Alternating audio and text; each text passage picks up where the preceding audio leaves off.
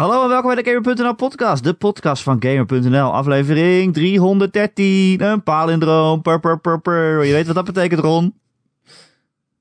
Dat je het voor uh, uh, heen leest, hetzelfde is als dat je het achteruit leest. 313. Ja, Mijn naam is Erik Dusselder, bij mij zoals altijd Ron Forsteman. Hallo, welkom allemaal. Ik Hallo. hoop dat jullie allemaal een hele fijne kerst hebben gehad. Ondanks de... Alles. Ondanks de alles, ik bedoel. Ondanks de wereld. Ja. Ondanks de wereld en alle mensen die erin zitten. Ja, ik heb een fijne kerst gehad wel. Jij, Ron? Ja, hij moet nog eh, beginnen. We Ja, nemen dit op op zaterdag. Het is tweede kerstdag. Je hebt al een eerste kerstdag gehad. Ja, daarover meer in de post-credits. Overigens. Ja, het is hoe tijdreizen werkt. Eh, die grap snap je als je straks de podcast hebt afgeluisterd. Het is een speciale podcast vandaag natuurlijk. Natuurlijk is elke podcast speciaal. Maar dit is Ja. de laatste van het jaar. Ja. eh, waarin wij onze persoonlijke top 10 GOTY-lijstjes voordragen. Ja. Eh, vorige week hebben we natuurlijk met een heel panel aan gasten een objectieve lijst eh, vastgesteld. En vandaag zijn het de persoonlijke lijstjes met waar wij het meest van genoten hebben.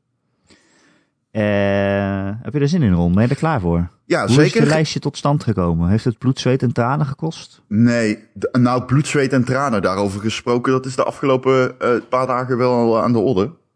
Eh, mocht je Oh. denken, wat hoor ik toch op de achtergrond? Dat is Tenshu. De Die als een bezetene door het huis rent. Want hij heeft een nieuwe vriendin. Een eh zusje. Tekken. Ik heb een nieuwe kitten. Die heet Tekken. Eh, het zijn twee eh, eh, dames. Meisjes. Mhm. Maar ze kunnen het nog niet echt vinden. Oei. Ehm, Jezus Christus. Ja, je hoort het volgens mij ook, hè? Ze Nou, rent hoor- echt, ja. echt gewoon gillend door het huis. En af en toe valt Tenshu Tekken aan. En ik moet eerlijk zeggen, ik weet niet zo goed wat ik er aan moet doen. Ik wil er niet weer de grote Kitten.nl podcast van maken, zoals de vorige keer. Maar ehm, ja, zoals je mij kent, dan weet je dat ik daar wel mee in mijn maag zit. Ik, weet, ik denk ook als je een kat Tekken noemt, dan een Tenshu. En je bent verbaasd over dat ze elkaar aanvallen. Ja, het zijn wel Je twee van de grootste om. IP's geboren op de PlayStation 1 natuurlijk. Ja, daar vraag je er wel een beetje om. Nee, ja, het- je hebt het toch pas net rond. Het kost wat tijd, hè?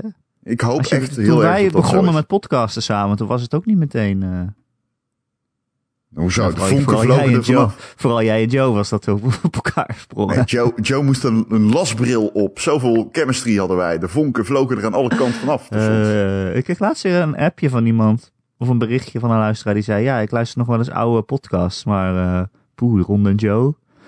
Een soort eh, toxic relationship was dat. Ach nee joh, dat is echt wel onzin toch?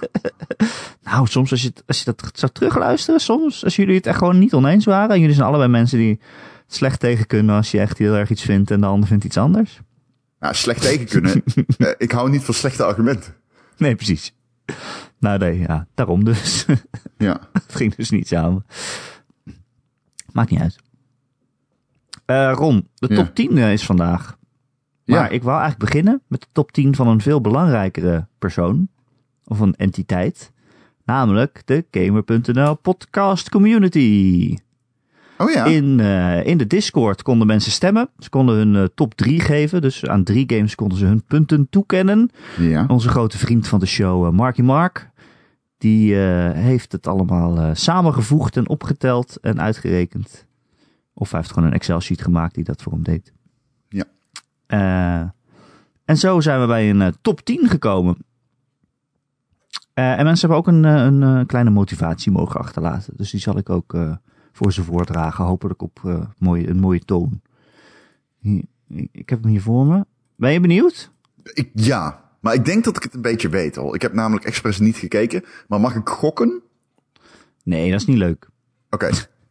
We hebben een gedeelde tiende plaats. Met vier games die op 10 staan. Dat meen je. Ja, zo wordt het een hele lange top 10. Oh. Eh, op 10 staan Astro's Playroom. Maar ook Animal Crossing New Horizons. Ja. En. Doom Eternal. Oké.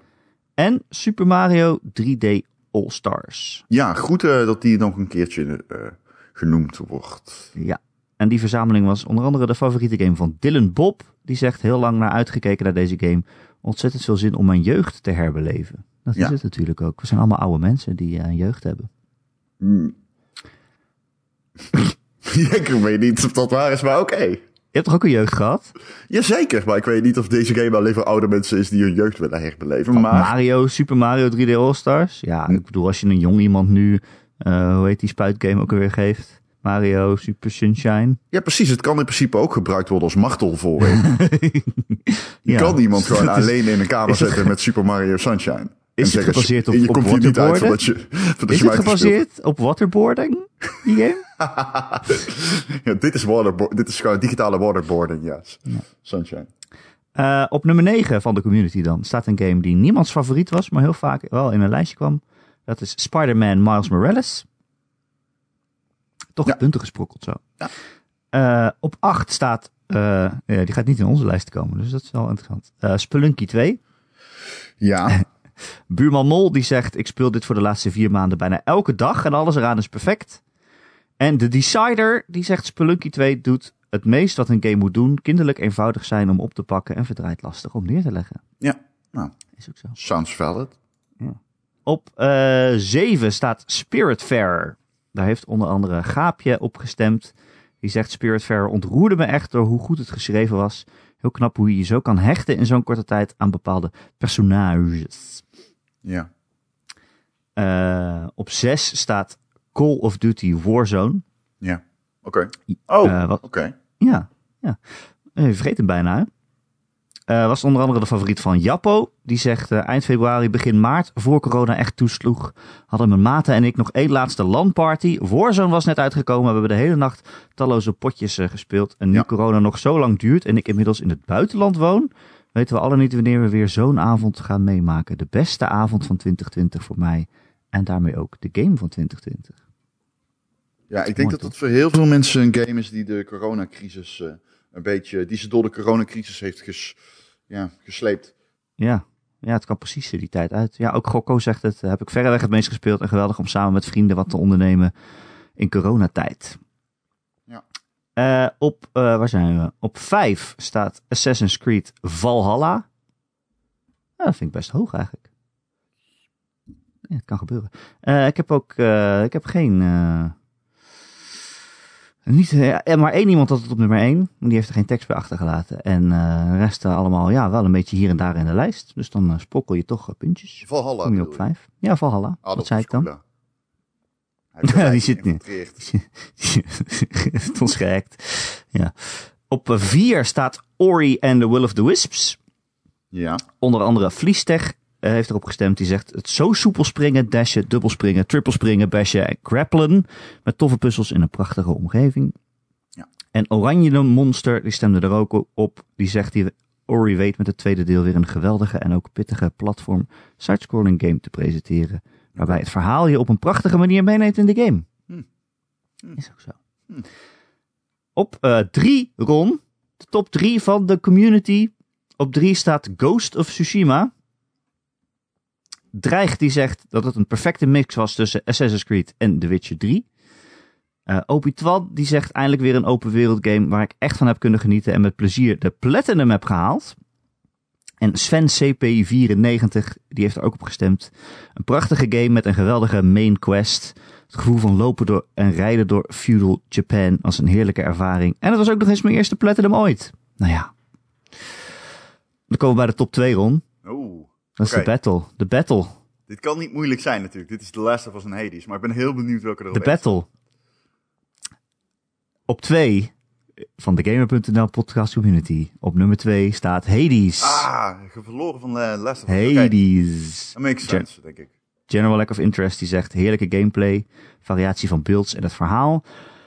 Onze grote vriend Marky Mark heeft er zelf ook op gestemd. Die zegt ik heb de credits gezien, de credits nogmaals gezien, credits een derde keer gezien en alle prophecies gehaald. En nog steeds roept Hades me voor nog net een andere run. Ja. Eh, Petrified Penguin die zegt de nummer 1 simpelweg door de enorme hype in deze Discord. Dat is natuurlijk ook zo, dat eh, het ook echt een Discord game was waar iedereen het over had op een gegeven moment. Ja, de Last Us ook. Ook, ja, ja, ja. Mick Angelo 40 heeft op Hades gestemd. Wat een game, zoveel liefde hiervoor. En Dranks, die mocht ook een top 3 maken. Die zei 1 Hades, 2 Hades, 3 Hades. Punt. Wat, dat mocht? Nee, dat mocht niet. Dat telt niet voor de punten. Maar het was dus toch mooi gezegd. En uh, natuurlijk, Ron, uh, als er iemand op Hades heeft gestemd in onze Discord, dan is het Recreator. Ja, Die ja, zegt, ja. eh, volgens mij weten de meesten wel dat ik al vanaf Early Access probeerde Hades aan de man te brengen. Velen wachten op de 1.0 release. Ja, wij ook, Ron. En hij genoot al bijna twee jaar van deze game. Maar wat is het een fantastische game. Is ook zo. Ja. En op nummer 1, Ron, toch Final Fantasy 7 Remake. Nee, grapje. Het is The Last of Us Part 2. The Last of Us Part 2 staat op nummer 1 in de Discord. Eh, ja, heel veel mensen die erop stemden. Bonswa die zegt eh, een perfecte samensmelting van verhaalvertelling, gameplay, muziek en prachtige graphics uit een bejaarde console. Dat is Ja. zo. Grekio die zegt volwassen man jankt voor zijn Playstation om een videospelletje. Jastus die vraagt zich af, heeft het T- het Tilu echt toelichting nodig? Verhaal wat je echt aangrijpt en leert dat andere mensen anders tegen zaken aankijken. René die zegt nog nooit zo lang naar de credits gestaard als bij deze game. Ik vind het een meesterwerk. Von Hozen ook. Tilo 2 omdat het verhaal zo goed is. De karakters enorm sterk en meeslepend zijn. Marijn die heeft het ook opgestemd. Prachtige schets over het omgaan van verlies en trauma. Omhuld met een sterk verhaal en gameplay die mij precies goed ligt. Sebastian heeft erover ge- op gestemd. Een game die me dingen heeft laten voelen en denken die ik nog nooit gevoeld en gedacht heb. Dat komt niet vaak voor. Fidomir, ook Last of Us 2. Geen andere game dit jaar heeft mij zo gepakt en geraakt. Perfect vervolg op een game die eigenlijk niet eens een vervolg nodig had. Eh The Dutch ook, Tilo 2. Fantastisch verhaal waar je op een gegeven moment gewoon niet meer door wil spelen. Omdat het bijna mentaal pijn doet. Maar toch doorgaat omdat je de reis af wil maken. Ja. Silent Shade. Geen verdere toelichting nodig lijkt me, zegt hij. En ook Gojira. Een geweldige ervaring met veel diepgang. Shout-out dus- to Gira. Shout-out. Dus eh, ja, de Gamer.nl podcast Community Award gaat naar Last of Us. Gefeliciteerd. Eh, zeer verdiend. Ehm, zeer verdiend. Hm. Geweldige game. Mocht je hem niet gespeeld hebben. We gaan het er nog over hebben. Dus eh, komt nog aan Zit bod. er dik in. Zit er dik in. Eh, Ron, Ja. onze eigen top 10's. Heb je nog shout-outs die het niet gehaald hebben of zo? Eh, ik wil best wel een shout-out doen naar Spiritfarer. Eh ik had heel erg verwacht dat die game op 10 zou eindigen bij mij. Eh, toen ben ik hem gaan spelen. En ik weet niet waarom, maar iets hield mij tegen om die game op te starten. Ik voelde... Ik, ik, ik weet niet helemaal of wat die game doet aan management mijn ding is. Het is natuurlijk ook gewoon een management game naast een schattige ja, wereldverkenner. En dat management gedeelte vond ik eh, ja, verrassend veel moeite. Maar misschien moet ik er nog steeds... Maar het was gewoon een game voor mij dit jaar die ik een maand niet speelde en dan een half uur opstartte. Oh, ja. En ehm, bijvoorbeeld nu ben ik wel weer zo van... Ah, ik zou hem nou weer even een keer kunnen opstarten. Maar wat er dan gebeurde is dat ik er niet verliefd op werd. Ik ben er, is geen moment geweest dat ik compleet verliefd was op die game. Waar ik continu van uitging dat dat wel... Dat ik midden in dat proces zat. Maar dat is niet gebeurd. Dus shout-out naar Spirit Fair. Ehm, er zijn talloze games die het niet gehaald hebben. Maar ik ga die niet allemaal een shout-out lopen geven. Want we zitten hier volgende week nog. ja. Ik doe shout-out wel even naar Persona 5 Royal. Ik vind het toch vals spelen om erin te zetten. Daarom, omdat het, eh, verdomme klootzak. Daarom 80% vraag jij of ik, hetzelfde game een, is. of ik nog een shout-out wil doen, zodat jij Ja, kan Royal ook kan doen. Kan ik een Royal noemen. Ja, ik vind het toch een beetje vals spelen om die mee te nemen. Want die was in 2017 ook allemaal Goatee. Dus ik heb hem er gewoon niet in gezet. Ja, dan maak je het ook makkelijk voor jezelf niet. Ja, maar ja, kom op. Ja, ja, ja. hey, luister. Prima. Ik geef je geen ongelijk. Nee, maar stel ik zou hem mee willen nemen, dan moet ik hem beoordelen op wat er dan dit jaar nieuw was. En dan denk ik, ja, maar dat, is, eh, dat zit er zo in verweven met de rest van de game. Dat kan eigenlijk bijna niet. Dus eh fuck het gewoon. En ik had ook nog tien andere games die er allemaal in moesten. Eigenlijk elf of twaalf, maar ja. Kan niet, hè? Oké, eh, zal, zal ik beginnen? Of? Dan mag jij nou zal ik eindigen. beginnen? Ik weet hoe jij graag al eindigt altijd. Zal ik beginnen dan? Oké, is ook goed. Eh, Ik, jij, jij begint graag bovenop, toch? Dus dan... ehm, ja, ik ben meer de Tenshu dan de Tekken. Ja, ja, ja, ja, ja. Ik ben meer de zessen. Oké. Eh, deze game, het is, dit is echt... eh, De tien. dacht, ik Wacht, zet hem- Tien, ik zet- tien, tien, tien. ja, oh ja. Grid 5. Wat? Ja. Hè? Ja, ik denk, ik zet hem er gewoon in. En waarom? Omdat ik hem echt heel erg leuk vind. dat lijkt me dan wel, ja. Ja. Ik ben een beetje verrast door deze game. Want ik kreeg deze game bij mijn eh, review kit van de Xbox Series X. Die ik eh, drie weken eerder kreeg. En toen mocht ik, eh, ja, ik, mocht heel veel games spelen natuurlijk. Hè. Dan krijg je Valhalla erbij, Watch Dogs 5, oh, sorry, Watch Dogs, Crit 5, eh, noem maar op, Yakuza en zo. Dus ik mocht al die games heel vroeg spelen. En ik betrapte mezelf erop dat ik ze eigenlijk, ik vond Grid gewoon verreweg de leukste. Ehm, ik heb heel veel Grid gespeeld, man. En die game is ook online echt leuk om te, lekker door de modder te rachen. Eh, visueel een waar spektakel. Eh, Hij heeft al een kleine update gehad recentelijk voor de Xbox Series X. En weliswaar niet de meest geprezen game in dit lijstje. Maar wel een keuze die ik mij heel erg eigen vond. Omdat gewoon die game mij veel plezier heeft eh, opgeleverd dit jaar. Bedoel je nou, ik kan Grid 5, bedoel je Dirt 5 of niet? Oh, ik bedoel Dirt 5. Sorry, niet zeggen Grid 5. heb ik, hem, ik, ik heb hem gewoon fout Ik in mijn lijstje googlen, gezet. ik kan het heb hem gewoon gewoon niet Grid vinden. 5 neergezet. Ik dacht, dat bestaat toch allemaal niet? Ja, ik zit ook al te denken van, hè? Want ik weet dat de i, want officieel spel je het met een kleine i. En ik zat te kijken en ik denk, ja, dat klopt niet. Want die i zit tot op de tweede plek. Heb ik dan dirt gezet? Of heb ik dan grid fout gezet? Nee, het is inderdaad dirt. Overigens, dat is, Mijn favoriete game van het jaar, hoe heet die ook alweer? ja. Maar dat is nog wel grappig. Die game is dus echt, die heeft het niet zo heel erg geweldig gedaan, begreep ik, van een retailer bij in, in mijn buurt. Waarvan ik de naam niet mag zeggen, natuurlijk. Maar ehm, die zei eigenlijk van, nou, dit is een van de weinige games die het nog eh, goed heeft gedaan middels eh, eh, gewoon kaartjes voor dingen als Stadia en de Windows Store. Oh. Dus dat vond ik nog wel grappig. Hij zei, ik heb niet veel verkocht op die manier. Natuurlijk wel Cyberpunk op, op dat moment. Ja. Maar als het da- daar, daarom gaat om eh, te goeden, eh, toch aardig gedaan. Dat vond ik wel grappig.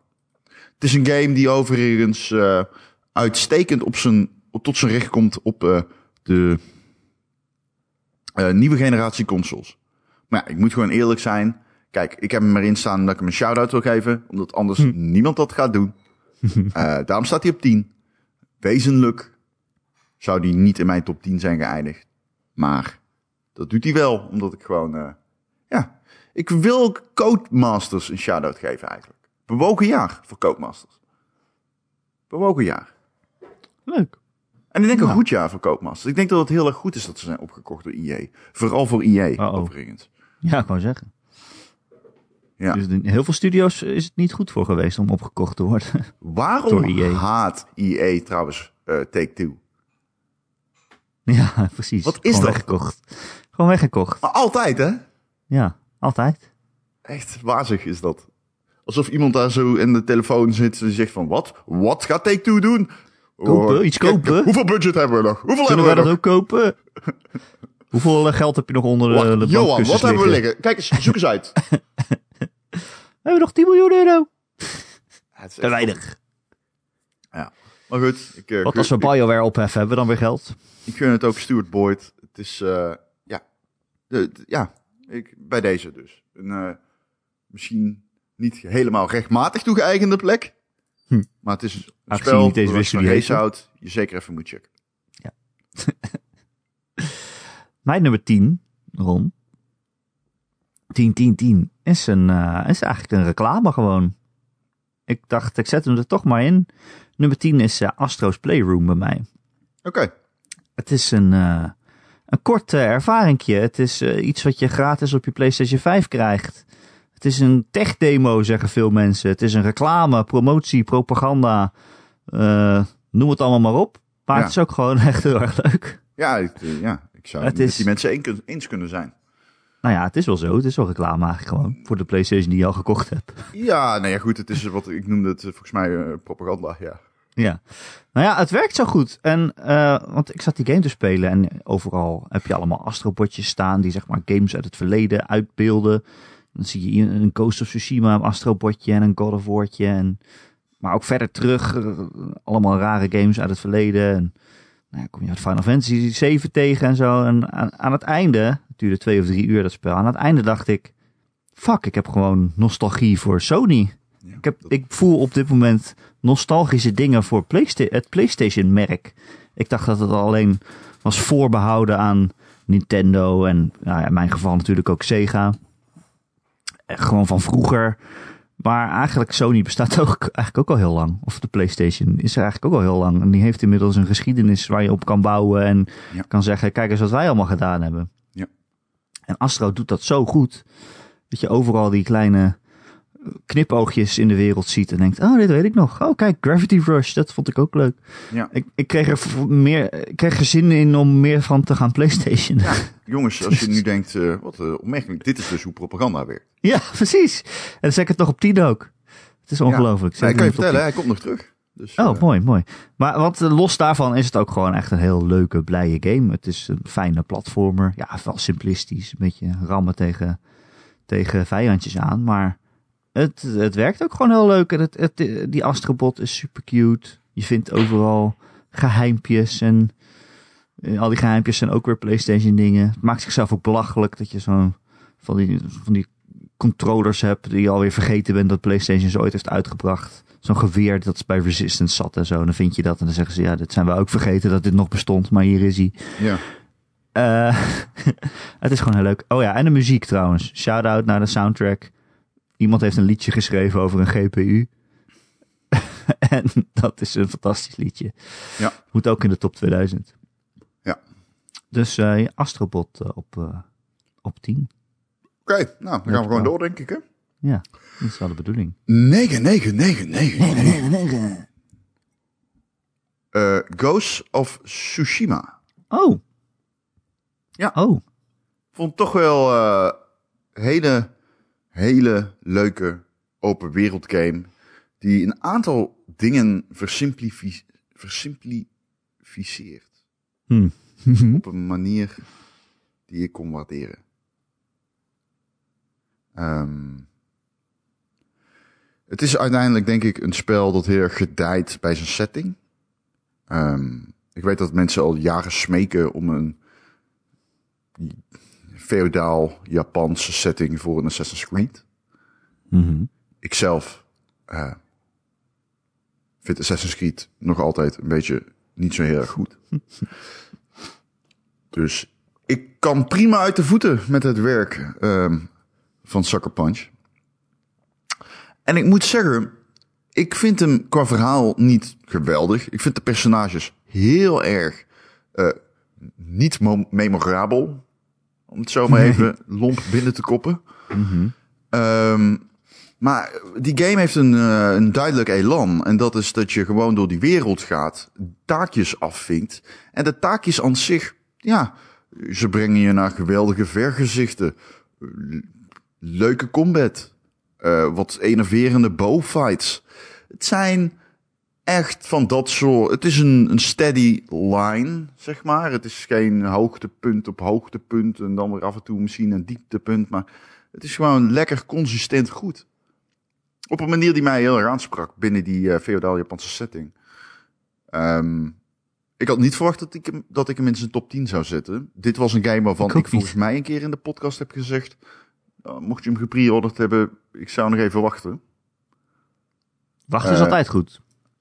Ja, dat is altijd goed hoor. Maar dit, dit is duidelijk een game die, eh, die, eh, die, die, die dat eh, verdient. Die, die, die, die plek in de top 10 vind ik. Want ehm, ja, ik vind het denk ik de beste game die ze hebben gemaakt. Ja, ik kreeg hem er net niet in. Hij staat bij mij echt op 11, zeg maar. Ja. ja, ik denk dat ik het echt de beste Sucker Punch game vind. Ja, ja. Ja? Ja, ik ben echt geen fan van die Infamous reeks. Nee, ik denk het eigenlijk ook wel, ja. Ik denk dat je gelijk hebt. Ja, ik ben ook geen fan van Infamous. Dat moet ik er wel bij zeggen. Er zullen vast mensen zijn die daar hele warme herinneringen aan hebben. Eh, en ik, de, de, de sport is heel erg goed geweest. Heb je die online modus van Tsushima gespeeld? Nee, nee, ik wel ook gehoord. Nee, ik ook Dat er nog gewoon niet. een hele Dat wil ik raid in zit en zo. Ik wil dat wel echt gaan doen, want dat schijnt wel aardig te zijn. Ja. Nee, ik, vind- ja, bij mij staat hij op 11, dus hij komt hij meer terug. Dus ik kan rustig wat over zeggen. Ik vind het inderdaad ook gewoon een... eh, ja, jij zei mensen willen een Assassin's Creed, maar dit is duidelijk een betere Assassin's Creed. Het is ja, zeg is maar betere Assassin's Creed. Assassin's Creed, maar dan teruggesnoeid tot een behapbaar aantal content en met een beter vechtsysteem en minder cringy geschreven. Ja, als mensen met elkaar praten, krijg je ook echt de indruk dat ze met elkaar praten. Ja, precies. Dat is wel fijn in een videogame. In plaats van een Man. tekst voorlezen. Assassin's Creed Valhalla, echt. Ik zit er iets van 40 uur in. Ik heb het echt geprobeerd. Maar het is gewoon, die game excelleert nergens in. Dat is echt Nee. bizar. Hoe je het voor elkaar krijgt als ontwikkelaar om een game te maken die nergens in excelleert. Het is toch wel leuk.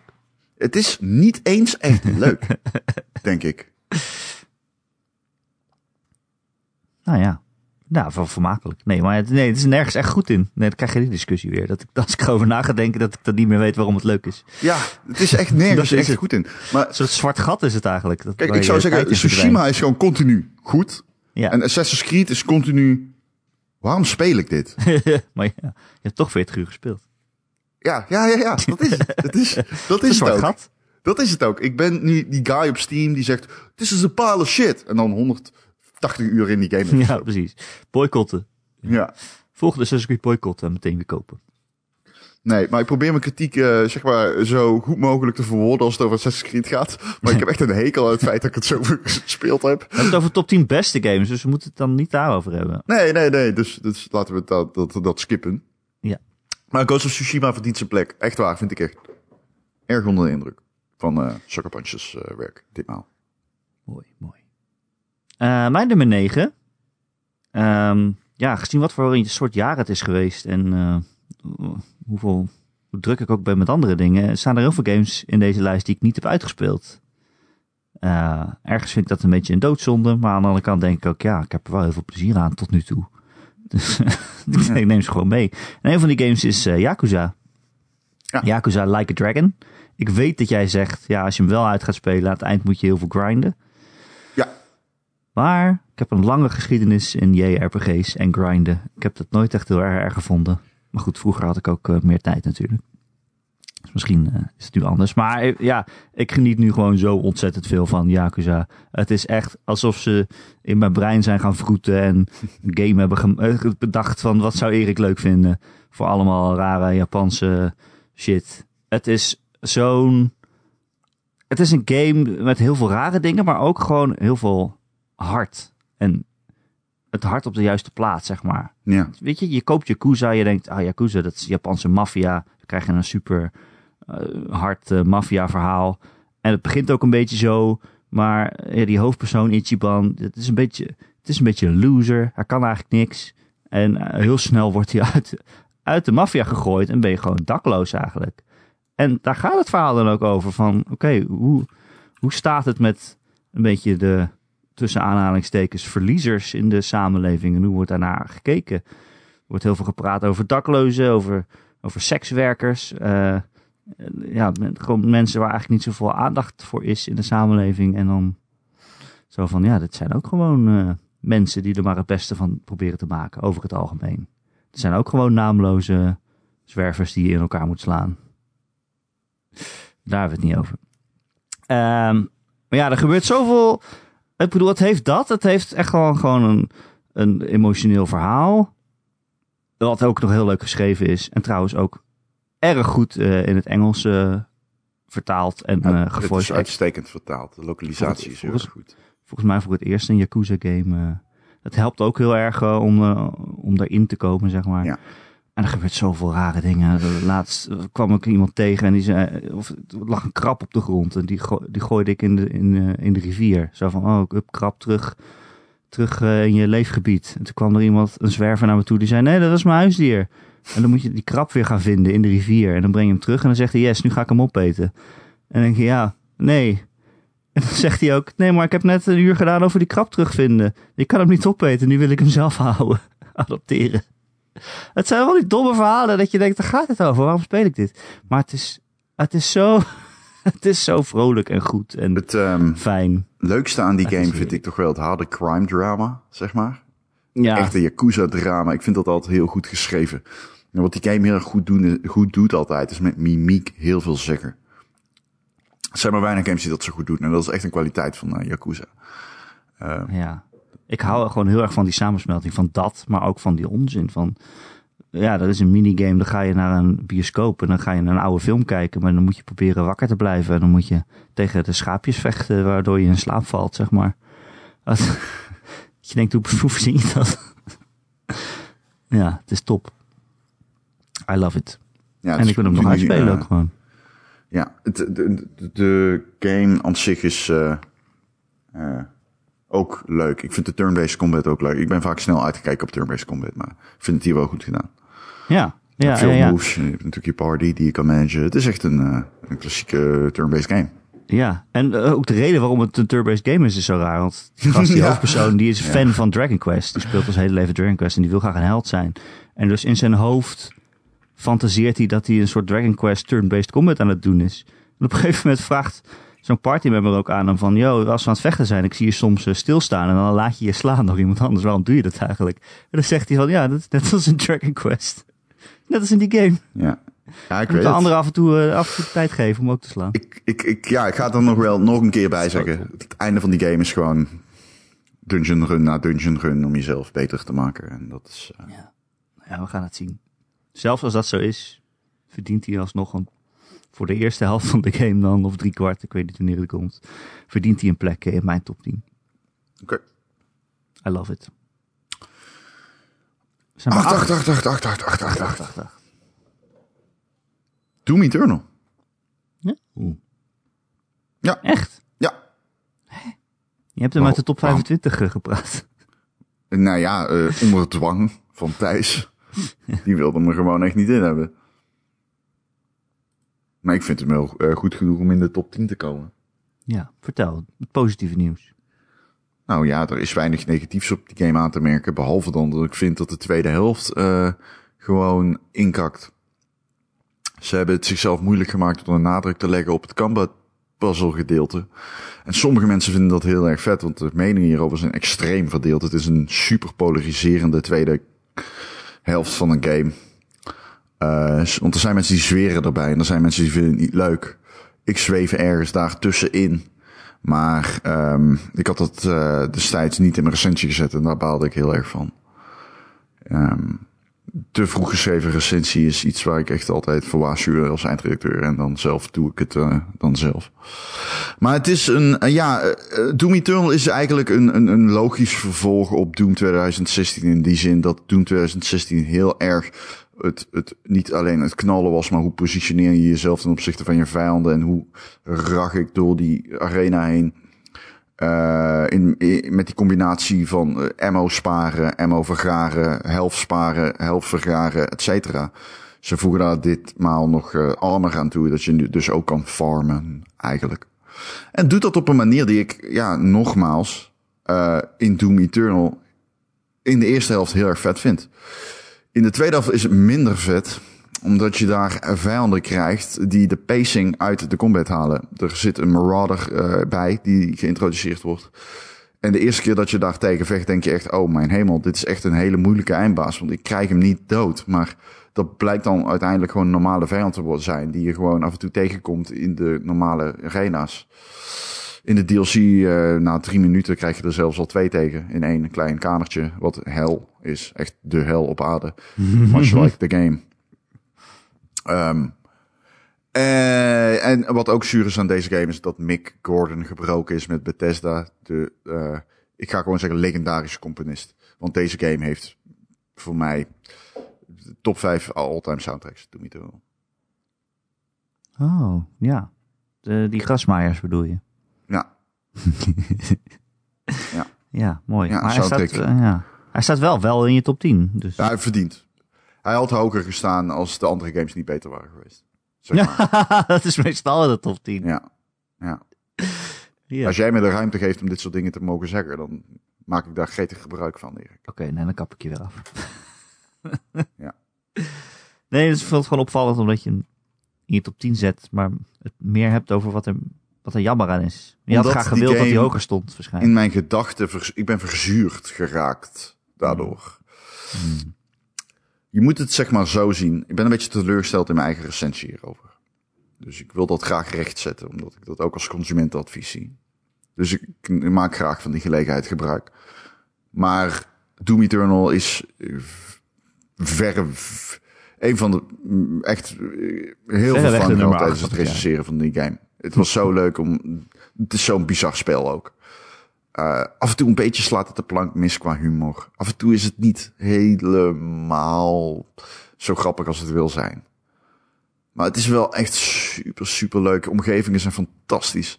Er zitten echt ook, ik vind het platformen wel leuk. Ik vind echt serieus dat het platformgedeelte heel erg geslaagd geïntegreerd is. Uh, je kunt met die, je, je hebt een vleeshoek, die kun je in je vijanden gooien. En dan kun je jezelf Zee. naar ze toe trekken met de super shotgun, de klassieke super shotgun uit Doom 2. Uh, dus de oude Doom 2. En de, dat, dat werkt allemaal. En ze hebben dat gewoon echt heel erg goed gedaan. Ik denk dat er heel veel mensen zijn die deze game ook in hun top 10 zetten. En als je dan gaat vragen waarom, krijg je van iedereen misschien wel verschillende redenen. Omdat het gewoon echt zo polariseert richting het einde toe. Dus uh, afhankelijk van de plek waarop die staat, denk ik dat je de argumenten gaat, enorm gaat uh, horen verschillen. En inderdaad, dan krijg je misschien een wat zuurdere respons dan je hoopt. Maar dat komt ook omdat de eerste, de eerste helft zo ongedaan echt geweldig is. Het is echt fantastisch. Er is een moment dat de Doomslayer op Mars een facility binnenloopt. En dat er allemaal mensen zijn en die kijken hem zo aan van nee, het is de fucking Doomslayer. En zo'n powerful moment. En de, game heeft wel meer van dat soort momenten. Naast gewoon de algehele combat die fantastisch is. Nee, uh, zeker. Doom Eternal geeft de kans. Ja, ik moet hem nog spelen. Hij staat gewoon op Game Pass natuurlijk. Maar ik hoorde ook dat ze misschien de next-gen versie update nog gaan... Uh, ja, hij draait al fantastisch op de Series X. Hij draait echt geweldig op de Series X. Aangezien ik nu toch te laat ben, kan ik net zo goed wachten. Ja, het is wel een game die je spelen wilt. dat is wel zo. Het is echt een Game Pass game die je spelen wilt. Mijn nummer 8 is uh, dan toch uh, Spiritfarer. Een heel uh, fijne indie game. Ja, Ron had het er net al eventjes over. Een, een, een fijn en warm gevoel geeft het mij. Um, ik startte ja. het op. Het stond ook op Game Pass. ja. Het is geen reclame. Krijg je niet voor betaald. Het is gewoon een feit. Uh, en ik start het gewoon op, want dat doe je af en toe met Game Pass games. Dat je denkt, ja, geen idee wat dit is. Ik heb van iemand gehoord dat het goed is. Ik weet niet waar het over gaat, maar we gaan kijken. Ik startte het op en ik zag een, een, een gezellig, kleurig personage. En ik zag een hele lieve poes. En die oh, zat een poesje. beetje met een, bal, een balletje te spelen en een beetje, een beetje, een beetje te knuffelen. En ik dacht, oh, dit is een schattige game. Dit is een leuk tekenfilm, gezellig spelletje. En ik was lekker aan het spelen en opeens ging het over de dood en over afscheid nemen en over terugblikken op je leven en wat je verkeerd hebt gedaan en wat je nog zou willen oplossen voordat je er echt afscheid van kan nemen. Uh, over liefde en weet je, een van de eerste dingen die je doet is of kan doen is, is oh. iemand een knuffel geven. Man, hoe depressief is die game? Want ik ben een beetje bang voor waar het heen gaat. Ik heb het gevoel dat ik alleen maar afscheid ga nemen in die game. Maar dat is juist ook weer zo mooi. Het is afscheid nemen, maar niet op een depressieve manier. Maar hoe kan dat niet depressief het is, zijn? Het is juist het loslaten wat je dan weer een fijn gevoel geeft. Je zucht het zo weg. Zo van, ja, en, en Duitse okay. slagers. Die zitten er ook in, toch? nee, nee. Nou, jammer. Ik bedoel, jij, om het even kort samen te vatten, jij speelt iemand die een soort van de dood vervangt. Je hebt een boot en je gaat zielen ophalen die bijna klaar zijn om naar het hiernamaals te gaan of om gewoon op te houden met leven. En die geef je een plekje op je boot en je verzorgt ze. Dat is het managementgedeelte. Je bent eten aan het groeien en aan het koken. En je bent eh, huisjes voor ze aan het bouwen. En iedereen tevreden aan het houden. Je bent ze aan het knuffelen, weet ik veel wat. Um, maar er zijn ook allemaal quests. Die uh, ieder personage graag nog wil doen. Bijvoorbeeld terug naar hun ouderlijk huis. En daar nog even rondkijken. En toch nog iets oplossen uit hun verleden. Of daar nog weer even bij stilstaan. En op een gegeven moment, als je dat genoeg gedaan hebt dan zeggen mensen, ja, nu ben ik er klaar voor. Ja. Uh, ik heb nu, uh, ik ben tevreden. Ik heb een goed leven gehad. Ik heb het goed afgesloten nu. En nu ben ik klaar voor om naar de andere kant te gaan. En dan breng je ze naar de, naar de poort, ja, de, soort van hemelpoort. En dan verdwijnen ze en dan moet je afscheid nemen. Maar ja, dat is een beetje depressief, maar ook weer, ook weer niet. Het is ook weer mooi dat mensen daar dan op een gegeven moment klaar voor zijn. En uh, dat, je, dat jij dat gedaan hebt, zeg maar. Ik zou jou gewoon laten staan hebt. naast die rivier. In de Snap regen. ik. Ja, ze zeggen fuck het lekker. Maar als je dan wel weer mij zou kunnen helpen naar het namaals, zou je misschien ook die kans niet laten liggen. Nee, dan betaal ik. dan betaal ik voor. Dus uh, dat is wat Spiritfarer voor mij zo goed maakt. En ook gewoon ja, het, het gezellige uiterlijk. Ik heb het net steeds ja. over mensen, maar het zijn natuurlijk allemaal dieren. Animaties overigens, Anim geweldig. Oh, de animaties zijn zo mooi. Het is ook ja. zo lief geschreven. Elk wat voor studio heeft... is dat Erik, weet je dat? Ja, nee, ik heb echt helemaal geen idee. Is dat een Amerikaanse studio? Kijken. Volgens mij is dat een Europese studio, maar dat ben ik niet zeker. Uh, Spirit Fair. Canadees is het. Thunder oh, Canadees. Oké, okay. duidelijk. Thunder Lotus. Ja, Thunder Lotus. Canadees is ook heel aardig. Fijn. Ja, oh ja, nee, dat is een studio van Jotun en Sundert natuurlijk. Het is ook een beetje diezelfde tekenstijl. ja, ja, ja, zeker. Maar eh, dat was meer de Griekse goden of zo, geloof ik. Dat was meer eh, Noors, ja. Noors, ja, sorry, ja, Noors. Ja. Nee, eh, ja, Spiritfarer, heel mooi game, heel goed geschreven. Eh, al die personages hebben ook heel duidelijk een eigen karakter en hun eigen stopwoordjes en hun eigen koosnaampjes voor jou en voor elkaar en zo. En het is heel eh, warm en gezellig en fijn. En Hoe dus lang ook is die game? Best wel lang. Ja, Best dat- wel veel dat- langer dan je zou denken. Echt al 20 uur of Ja, zo. die indruk krijg ik ook op dit moment. Ik heb nog maar Echt vier wel, dieren. Ja, nee, dat meen ik nog lang niet. Nee. het is echt meer dan 20 uur. Ja, 25, zoiets. Ja. Want je bent inderdaad ook gewoon aan het, aan het managen. Aan het, aan het varen ook. aan het varen, aan het verkennen. En Je bent hout aan het verzamelen. En schapen aan het verzamelen die je dan weer gaat scheren. Dan heb je weer vol. En dan kan je dan weer kleren van maken of zo. Of weet ik veel wat. Ja, allemaal dat soort dingen. Hey, Tenshu. Oh, Oh, leuk hè. Ja. dat is mijn nummer 8. ja. Tenshu is mijn nummer. Ja, die game is niet uitgekomen dit jaar. Oh, ik bedoel de kitten. Ja. Oh, die is wel dit jaar uitgekomen. Oké, nummer 7777. Microsoft Flight Simulator. Ja. Ik vond het zo grappig. Ik had de oude podcast teruggeluisterd om te luisteren wat wij daarover zeggen. En we hadden allebei zoiets van, ja, het staat op Game Pass, dus we gaan het proberen. Eh, ik, heb, ik heb natuurlijk wel X gespeeld, maar ja, dat is best wel oud inmiddels. En jij zei zo van, ja, en toen zei ik, maar denk je dat, dat het lukt om de deur naar de cockpit open te krijgen? en dat wij heel serieus zeiden van, nee, ik denk het niet. Ik denk gewoon niet dat dat gaat lukken. Ik denk gewoon niet dat wij zo ver gaan komen in deze game. Skip to. Erik Ja. die er niks van kan. Ja, ja, ja, nee, maar nee, eigenlijk niet. Skip to. Blijkbaar kun je in die game gewoon je. Hey, thank you, dus rustig, joh. Kun je gewoon. ehm, ja, je kan hem gewoon zo arcade zetten dat het is alsof je vliegt in Battlefield. Dat is waar. En dat wilden wij een beetje onderschat. Maar dat is natuurlijk ook niet waarvoor mensen die game spelen of zo. Dat is eventjes leuk. Dat is eventjes leuk, precies. Maar dan ontkom je, on- on- ontdek je dus hoe fucking mooi die wereld is. De aarde. Eh, Om in rond te vliegen. Oh. En daarom ga ik nu zeggen, de aarde is de beste weer- open wereld game ooit gemaakt. Beste setting voor een open wereld game in 2020. De aarde. Gefeliciteerd de aarde. Ah, goed gedaan aarde. Goed werk. Goed Ja, jaar niet voor de zinken aarde. met deze klap, eh Thijs. Eh, Gijs. Een heel goed jaar voor de aarde was het. Goed jaar voor de aarde. Zo, ja. ja. Poeh, nou, die heeft genoten. Ehm, nee, ja, ik, ik meen het wel deels serieus of zo. Ik vind... Hoe je bijvoorbeeld naar die orkaan kon vliegen, vond ik echt wild. En voor de duidelijkheid, ik heb hem niet arcade gespeeld. Ik heb een stick voor deze game gekocht. Zo. Ja. Ik heb een houttas nu. Jeetje. Ik ben in het. beetje I'm in it to win it. Ben je nu zo'n ik- persoon? Pardon? Ben je nu zo'n persoon geworden? Ja, alleen not really winning it. Want er wordt Oh. nog steeds heel vaak gecrashed.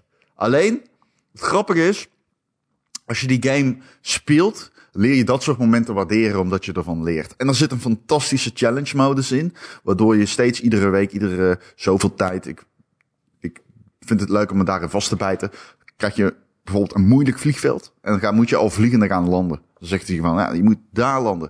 En dat moet dan zo snel, zo goed, zo precies mogelijk. En dan krijg je punten mee, klim je op de leaderboards. En dat vind ik echt fucking leuk. En dit soort dingen zijn eh, de verrassingen in een jaar, weet je wel. Dat je je opeens vast kan bijten in een flight sim. Dat, dat is wat gamen leuk maakt voor mij. Dat je iets ontdekt hebt van, oh fuck, dit rijmt met wat ik vet vind. Eh, Flight Simulator rijmt met wat ik vet vind. En rijmt heel erg met mijn ambitie om in de toekomst een nieuwe videokaart te kopen. Oh, ik dacht piloot te worden. Nee, nee, daar ben ik niet zo laat voor. Ik ben 30. Nee, als ik iets minder Rainbow Six had gespeeld, had het vroeger misschien gekund. Maar tegenwoordig gaat dat eh, niet meer lukken, ben ik bang. Eh, Of eh Game.nl moet zijn facturen beter gaan betalen. ja. Kan ik nog eens een poging doen. ja, kan je nog een pilootopleiding betalen? Ja, maar dat zal hem eh, niet eh, gaan worden. Nee, ja, jij weet hoe fan ik ben van deze game geworden. En het is onironisch, vind ik, een geweldige wereld om in rond te vliegen. Dat je gewoon kan zeggen, ik start op Schiphol. En dat je gewoon de, het weer kan re- real-time weather effect, eh, real-time weather, zeg maar. Real, eh, real-time air traffic control en zo. Ja, dat, dat is wel echt heel erg vet. Niet control, gewoon traffic. Maar dat is wel echt heel erg vet. Dat is eigenlijk de volgende stap. Er is een dienst, daar kun je je op abonneren. Game Pass. En, ja, maar. Nee, en dat zijn mensen die zijn eh echt even controllers. Ja, maar in een vrije tijd eh, bieden die dan de dienst aan. Dan kun je eh, Wat? een x aantal euro's per maand. Kun je dan echt zo, eh, ja, weet je wel, dan kun je echt echt even controle doen. Kun je met ze praten en zo, zeg Ja, maar. dan heb je gewoon echt iemand die tegen je zegt: Oké, ja, je je kan dit, als je zo aankomt vliegen, kun je daar landen. Oh mijn god, nee. Mensen doen dit gewoon thuis. Die zitten gewoon de hele dag nep air traffic control te spelen. Ja, Oh my god, wat fantastisch. ja, dat is toch geweldig. En dit soort dingen, ja, als je tegen mij had gezegd. Zou ik me daar serieus in gaan verdiepen in 2020, had ik van tevoren uitgelachen. Maar, hey, soms loopt het zo. Nice. Oké, ja, leuk. Nee, wat je zegt, ik, heb, ik, ben, ik ben niet verder gekomen dan dat punt. Dat ik heb ontdekt dat het arcadevliegen werkte. En toen heb ik een paar rondjes boven Nieuw-Zeeland in mijn eigen huis gevlogen. En eh, toen dacht ik, nu ga ik leren hoe het echt moet. En toen, Dat is heb ik heel op- moeilijk. heb ik het opgegeven. Ja, het is echt heel moeilijk. En het is Ja. ook vooral, ehm, het is zeg maar moeilijk op een manier die jou niet tegemoet komt. Die game is niet echt zo van, oh, en dit is wat je fout hebt gedaan. Nee. Het is Al moet ik zeggen, je stort je som- neer. In de tutorial weer wel. Maar niet als jij gewoon vliegt. Dus ik had heel vaak, dan stalde ik. En dan dacht ik, "Huh, waarom ben ik aan het stallen? En dan, eh, ja, dan gaat er iets mis. Dus dan breekt je vliegtuig door midden. Dat zie je niet, maar dat zou wat in feite dan zou gebeuren. Eh, ja, dus, nou ja. Het is een, eh, een, een be- begrijpelijke mening, denk ik. Ik vond het leuk om hem op te starten. Leuk om mijn eigen huis te zien. En daarna ben ik een beetje... Ja, daarna is het weer het doei. Ja, maar was, het was wel leuk. En ik ben ook onder de indruk van hoe goed het werkt. Ja, En hoe, eh, hoe echt het is, zeg maar. zo. Wat een mooie game. Mooiste game van 2020? Ja, het is gewoon de aarde. Ja, nou ja, goed. Maar als je ziet hoe ze het hebben gerenderd, vind Ja, ik dat... precies. Het is ook Wel, ik ga niet wel zeggen meest indrukwekkende tech. Ja, ja, ja, ja. Mijn eh, nummer 7, Ron, 777, is eh, een nieuwe binnenkomer. Eh, Spider-Man. Miles Hey. Morales. Hey. Die heb ik eh, van de week uitgespeeld. En ja, het was gewoon echt heel fijn. Ik kan niet anders zeggen. Ja. Iedereen die weet, die, die het in 2018 ook deze podcast luisterde, die weet dat ik heel erg fan was van de eerste Spider-Man. En ja, dit is meer van hetzelfde. En dat is precies wat ik, wat ik eigenlijk wilde van die game. Wat ik er ook van verwachtte. Ehm, ook wel weer de reden waarom die dan maar op 7 staat en niet hoger. Dat je denkt, ja, het is, ja, het is eigenlijk ook gewoon die game die ik twee jaar geleden ook speelde. Met Ja. alle dezelfde mechanics en alle dezelfde, stad zelfs. Maar dan eh, in wintertijd. Dat je denkt, Ja. ja, ga ik weer over Central Park eh, slingeren. Ja. Ehm, maar ja, weet je, het was ook veel korter dan die vorige game. In dit geval fijn trouwens, want zoals ik zei, het is even een, een shotje, een boostje van, van die Spider-Man 2018 gameplay recht in je arm. En dan gewoon een stukje korter. Dat is precies wat het moet zijn ook. Ehm, dus ja, weet je, met die combat eh, gaat dan natuurlijk niks fout. Dat is natuurlijk nog steeds hartstikke fijn. Maar waar ik wel door verrast was, was dat het verhaal me toch wel weer ja, toch wel weer heel erg bijblijft. Ja, nou, het is pas een week geleden dat ik hem heb uitgespeeld. Maar dat het verhaal wel echt ehm, een soort van geraakt heeft of zo. Je speelt natuurlijk als, eh, als Miles. eh, een jongen die in Harlem woont. Die, eh, wat is hij? eh, biracial, zeg maar. Eh, eh, ouders van twee verschillende achtergronden. Ehm, zijn Ja. moeder die eh, probeert eh, de politiek in te gaan. En die neemt het op tegen grote machtige corporations en zo. Eh, je hebt echt het gevoel van, oké, ik ben de kleine man, de, eh, de misschien vaak genegeerde mens. Hè, een beetje net als in Yakuza.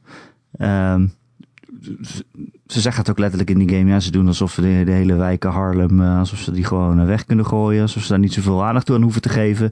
Maar ik sta op eh, voor deze wijk en voor de hele stad. En ik ben Spider-Man en ik ga alles redden. Ja. En, Ja, absoluut. en dat is prachtig gedaan. Het is heel goed in beeld gebracht. Het is heel goed geacteerd ook, vind ik. Ja, Die, zeker. Het is jongen geweldig die, geacteerd. Ja. Die jongen die Miles speelt, die doet dat echt heel erg goed. Het begint echt zo. Zo'n soort van... Hij is geloof ik 17 in die game. Het begint als een soort van verwondering en van... Oh shit, ik ben nu Spider-Man en eh, ik heb al die verantwoordelijkheid. En gaandeweg eh, hoor je hem ook steeds eh zelfverzekerder worden en zo. Dat is Ja. allemaal echt, echt heel knap gedaan. Zeker Ja. in zo'n eigenlijk kort verhaal. Dat het toch Ja. een hele, hele gedetailleerde boog heeft. Spanningsboog, verhaalboog. Misschien eh, horen we er straks nog meer over. Oh, komt hij bij jou ook nog voorbij? Nee, dat zeg ik niet. Ik zeg gewoon, misschien horen we er straks nog meer over. Oh, hij komt straks hier gewoon de kamer inslingeren, Spider-Man. Hallo, ik ben, ik ben Miles Morales. Eh, Dat is de stem. Dat is de stem waarvoor jij gaat, serieus. Hallo, ik ben Miles Morales. Ja, 17. Dat, dat hoe is klonk jij is- toen je 17 Voor alle was? keuzes die ik wil maken, koos je daarvoor. Oké, nee, fair Hoe klonk jij toen je 17 was dan? Ja, weet ik veel, zijn balzak is overduidelijk al ingedaald. Oh, ja, zijn dat vond trouwens de soundtrack ook wel lekker. Zijn teelzak. Ik vond de soundtrack er heel goed bij passen. Eh, ja, die leuke bombastische muziek eh, gecombineerd met die hip-hop beats. Ja, hip-hop, eh, hip-hop beats, ja. ja. Dat is lekker. subtiel. Oké, Spider-Mans. I love it. Op 6. 6, 6, 6, 6, 6. Kentucky Route Zero. Ron, Ja. dat is ook mijn nummer 6. Hey, nummer 6. Nummer 6. Niet- zinken. Nummer 6. Eh, ja. Hou je ook van lezen? We zijn het ergens over eens. Wat zei je? Ik zei, hou je ook van lezen? Ja, lezen. Lezen is top. Lezen is voor coole mensen. Ehm, Vertel. Vertel jij eerst maar. ja, het is heel veel lezen. Ja. Het gaat. eh, het is ehm, een woord dat je veel. De, de omschrijving die je eigenlijk bijna overal eh, terug hoort komen. als mensen deze game bespreken, is magisch realisme. Ja, maar dat is gewoon het genre, dus dat klopt. Ja, het is niet een genre per se. Het is niet zo dat je. Het gamegenre magisch realisme bestaat niet. Maar in fictie literair- wel. Het literair genre. Nee, maar in fictie wel natuurlijk. En het is een eh, game die eigenlijk doodnormale situaties pakt en ze eh, doorrijgt met gewoon hele rare dingen. Bijvoorbeeld, je loopt in een gebouw en op de vijfde verdieping wonen alleen beren. ja, top. Of je loopt in een gebouw en opeens zegt iemand tegen jou, ben je nou binnen of buiten? En die loopt gewoon door. En jij zegt dan tegen je kameraad met wie je door dat gebouw wandelt, ik weet eigenlijk niet of we binnen of buiten zijn. Dit is En daar verder niet op terugkomt. met gebouwen erin. Ja, en daar verder niet op terugkomt. Dus dat behandelt als een soort van logische situatie. Ehm, ik vond dat heel sterk gedaan. Ik heb heel veel kippenvelmomenten gehad in deze game. En vooral bij episode 3. Dat vind ik een van de best geschreven plotverhaallijnen, eh, plots in videogames. Ik, vond, ik kreeg daar zo kippenvel van. Van die muziek en de geluidseffecten. En dit is gewoon lekker dekentje, chocomel erbij. En we duiken in deze wereld, in deze fucking wereld waarin alles kan gebeuren. Eh, deze game was veel hoger eh, in mijn lijst geëindigd als het einde beter was. Ik vond het Mm, einde niet goed. Ik vond het eh, te weird en te klein. Ik vond het een heel klein einde voor een game die zoveel grootse, eh, ja, toch wel grootse momenten had. Ehm, maar ook, weer, wel weer, ook wel weer passend of zo. Omdat het ja, continu super vaag is. Mhm. Eh, en die game heeft die gebruikt beelden op een hele goede manier. Op een manier die een lege weg, weet je wel. Een spitsgebouw. eh. die game speelt heel erg met, met gewoon een- een lange inrit, bijvoorbeeld. En die maakt daar echt een soort van zinderend event van. Eh, van dat soort dingen. Door ze gewoon steeds dat, soort- die imagery laten terug te keren op een manier die heel doordringend is. Ehm, ja, Kentucky Route Zero is een schoolvoorbeeld van een game die teert op goed schrijfwerk. Ehm, en doet dat uitstekend. Het is geen gameplay game. Het is geen Hades. Nee. Het is gewoon een game die teert op zijn verhaal. Maar soms, als het verhaal heel erg goed is, dan maakt dat juist extra veel indruk. En dat is hier, ja, wat mij betreft, absoluut aan de orde. Take it away, Erik. Eh, ik ben het eens met wat Ron zei. Nee, maar ook eh, naast alle, alle vage shit die gewoon zomaar kan gebeuren, vond ik het ook juist zo mooi de dingen die zo herkenbaar leken of zo, of zijn. Of dingen, thema's die het graag wilde behandelen. Ik herinner me vooral dat, dat die game kwam al in januari uit natuurlijk, toen hebben we het gespeeld. Dus heb Ja, game is acht jaar in mogelijk- ontwikkeling overigens. Ook Ja. wel even handig om te zeggen. Die game is acht jaar in ontwikkeling geweest. Ja, het eerste deel kwam acht jaar geleden uit of zo. En het is in vijf delen uitgekomen. Er zaten ook nog interstitials tussen. Die trouwens ook echt heel cool zijn. Die krijg je er natuurlijk bij als je het hele pakket eh, koopt. Een soort van tussen, tussen afleveringetjes. Ehm, en dit jaar in januari kwam het laatste deel dan uit. En wat, ja, wat jij zegt, dat klopt ook wel. Eigenlijk vond ik het laatste deel het minste deel. Maar de rest had ik nog nooit gespeeld. Dus ik tel het gewoon als een 2020 game helemaal. Ehm, maar vooral die thema's die ook wel herkenbaar zijn. Ik herinner, ik herinner me vooral eh, dat het ging over, eh, over arbeid en over werk. En over eh, je leven in dienst stellen van, van grotere bedrijven. En die eigenlijk helemaal geen omkijk hebben naar jou. En ja, misschien niet eens als mens behandelen. Ja. Ik herinner me vooral dat je zo'n zo'n rondleiding in een fabriek die je kreeg. Oh ja. Je, je- ja, je, je speelde een man en eh, die was, mocht bijna met pensioen, maar toen had hij toch weer iets gedaan waardoor, de- waardoor hij toch weer verder moest werken of zo. En dan krijg je een rondleiding in een fabriek waarin iedereen een beetje levenloos is, letterlijk ook. Het zijn allemaal skeletjes. Ehm, en gewoon maar werken tot ze dood gaan, zeg maar. Eh, het is niet een heel positieve boodschap, maar het is, het is beter geschreven dan ik het nu kan vertellen. Ehm, En Dat soort dingen. en zo, dat soort dingen. Ja, op een gegeven moment kwam je een, een, een telefoonoperator tegen die dan af en toe de telefoon opnam. En die zei, eh, ja, op een gegeven ik ben de computer aan het trainen. Want eh, de computer maakt anders wel foutjes als er geen mens bij is. En we zijn die, die foutjes eruit aan het trainen. En, op een gegeven moment komen we erachter, ja, misschien is het wel zo dat dat bedrijf maar hier gewoon eeuwig laat zitten en de foutjes van de computer laat opvangen. Omdat dat goedkoper is dan een betere computer ontwikkelen. Ja. Gewoon één mens hier ernaast laten zitten die in er eentje af en toe de telefoon opneemt als het misgaat. Oh, dat is echt. Dat vind ik echt vreselijk dat je daar dan over nadenkt. Ja. Oh ja, zo goed geschreven inderdaad, Kentucky Road Zero. Ja, we noemden die podcast toen Kentucky Road Zero is de best geschreven game ooit. En dat is ook niet zonder reden. Nee. Ja, Nee, het is fantastisch. Het is Dus, echt weergeloos. Ik, ik heb die game echt, eh, die episode 3, ik heb zo'n kippenvel gehad op een manier die ik zelden heb tijdens een videogame. Stond Ja. echt verwonderend naar mijn tv te zagen toen ik dat aan het spelen was. ja, het is prachtig. Ja. Dan is het tijd voor... Reclame. Hey Erik. Hey, Ron. Erik, weet jij dat mijn kittens verhongeren zonder de steun van onze Patreon-leden? Oh, dat is wel zielig. Dus als mensen geen lid worden, dan gaan jouw katten dood. Letterlijk, ik heb een timer met hoe lang ze nog hebben als er niemand doneert op onze Patreon.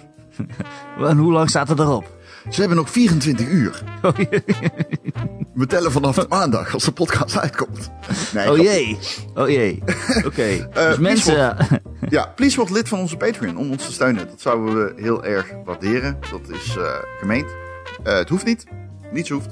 Maar je krijgt er wel wat voor terug. We maken verschillende podcasts. We maken livestreams. De data fluctueren altijd van wanneer het allemaal verschijnt. Maar over het algemeen, 15e van de maand, doen we de Boekloze Boekenclub. Waarin we bespreken hoe en welke games we, eh, series we willen behandelen. Nou ja, eigenlijk, we pakken al- allemaal een serie. Ieder een serie die we tof vinden. En lichten die toe. Waarom? Zoals Halo, Metal Gear Solid en hoe heet die ene kut game ook weer? Eh, Kingdom Hearts. Ehm, en we hebben ook nog gewoon de Ron en Erik podcast, Erik. De Ron en Erik podcast. Dat is de intro tune. Abonneer op ons Patreon. Dankjewel. Ik bedoel natuurlijk, dankjewel. Hey, leuk dat je luistert. Fuck it. Yes. Ik ben mooi.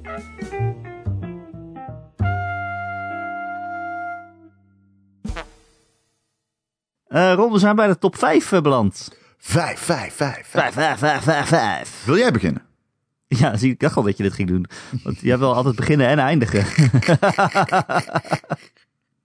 is goed, Ron. Ik zal wel beginnen. Met mijn nummer 5. Weer een game die ik nog niet heb uitgespeeld. Maar waar ik zoveel onder de indruk ben. Dat hij er gewoon in komt. Eh, Half-Life Alex. Is, eh ja. Ah, ik ben blij dat jij hem erin hebt. Daar ben ik echt blij om. Vind ik top. Half-Life Alex is eh, zonder enige twijfel de beste VR-game die ooit is gemaakt.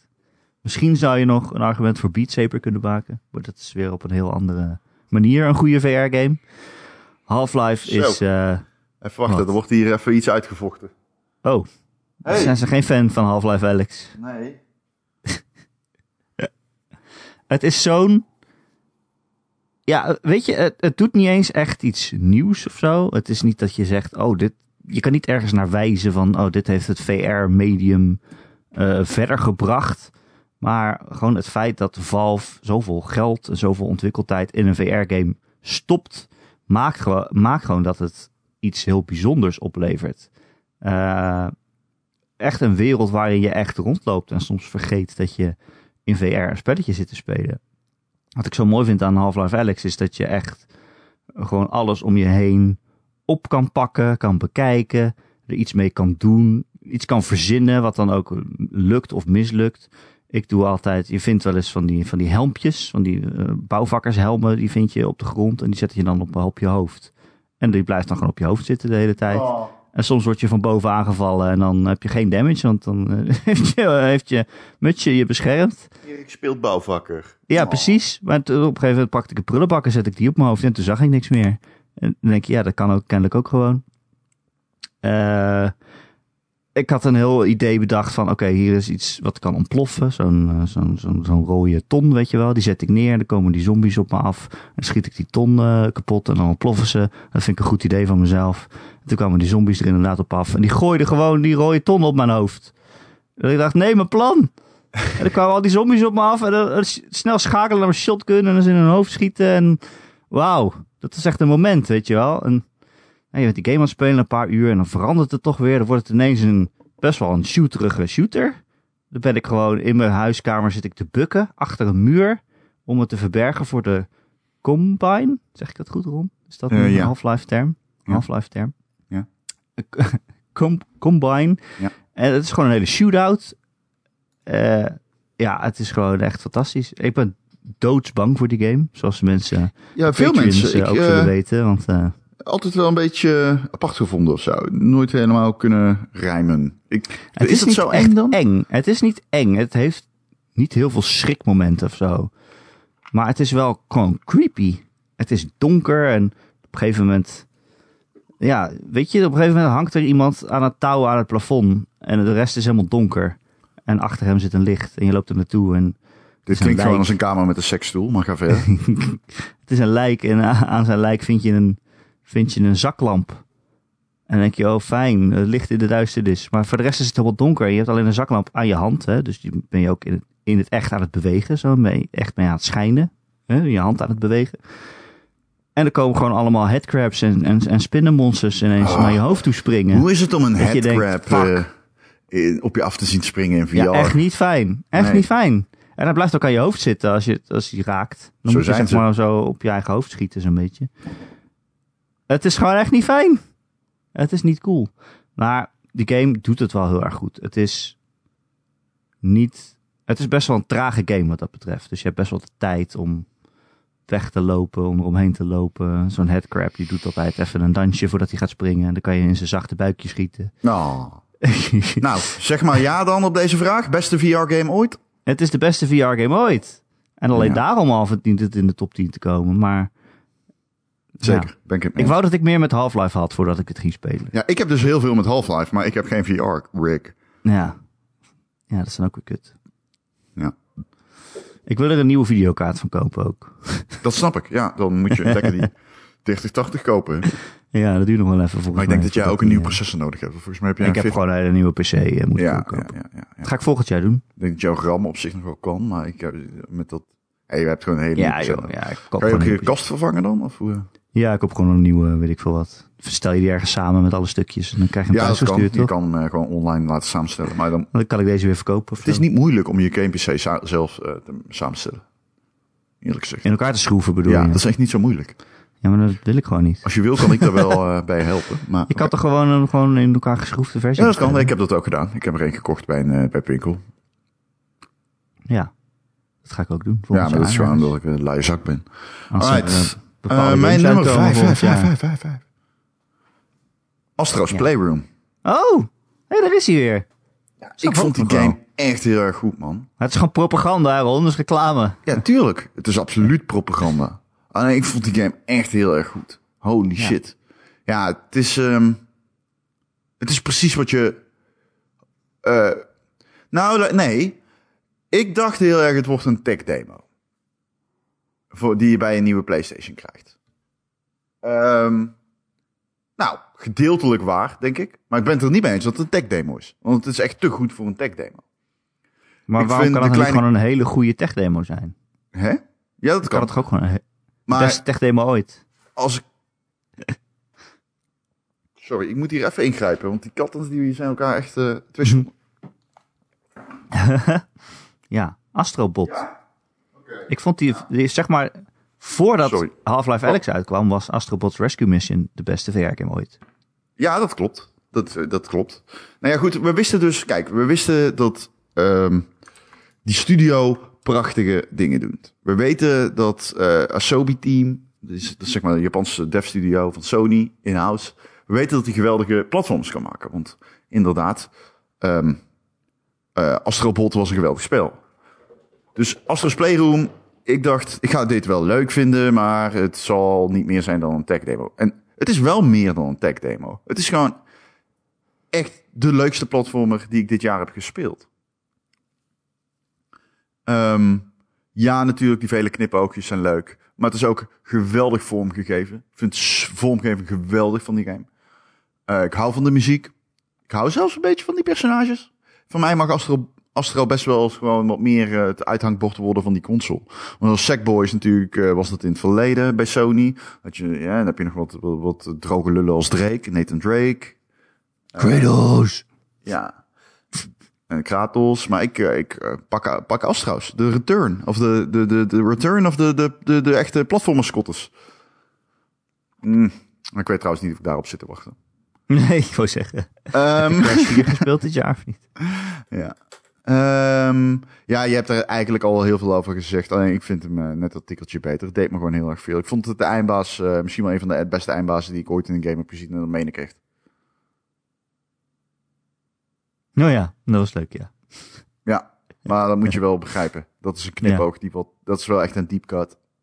Maar toen ik dat voor het eerst zag, dacht ik echt, holy shit, deze game is af. Toen was voor mij de cirkel rond, zeg maar.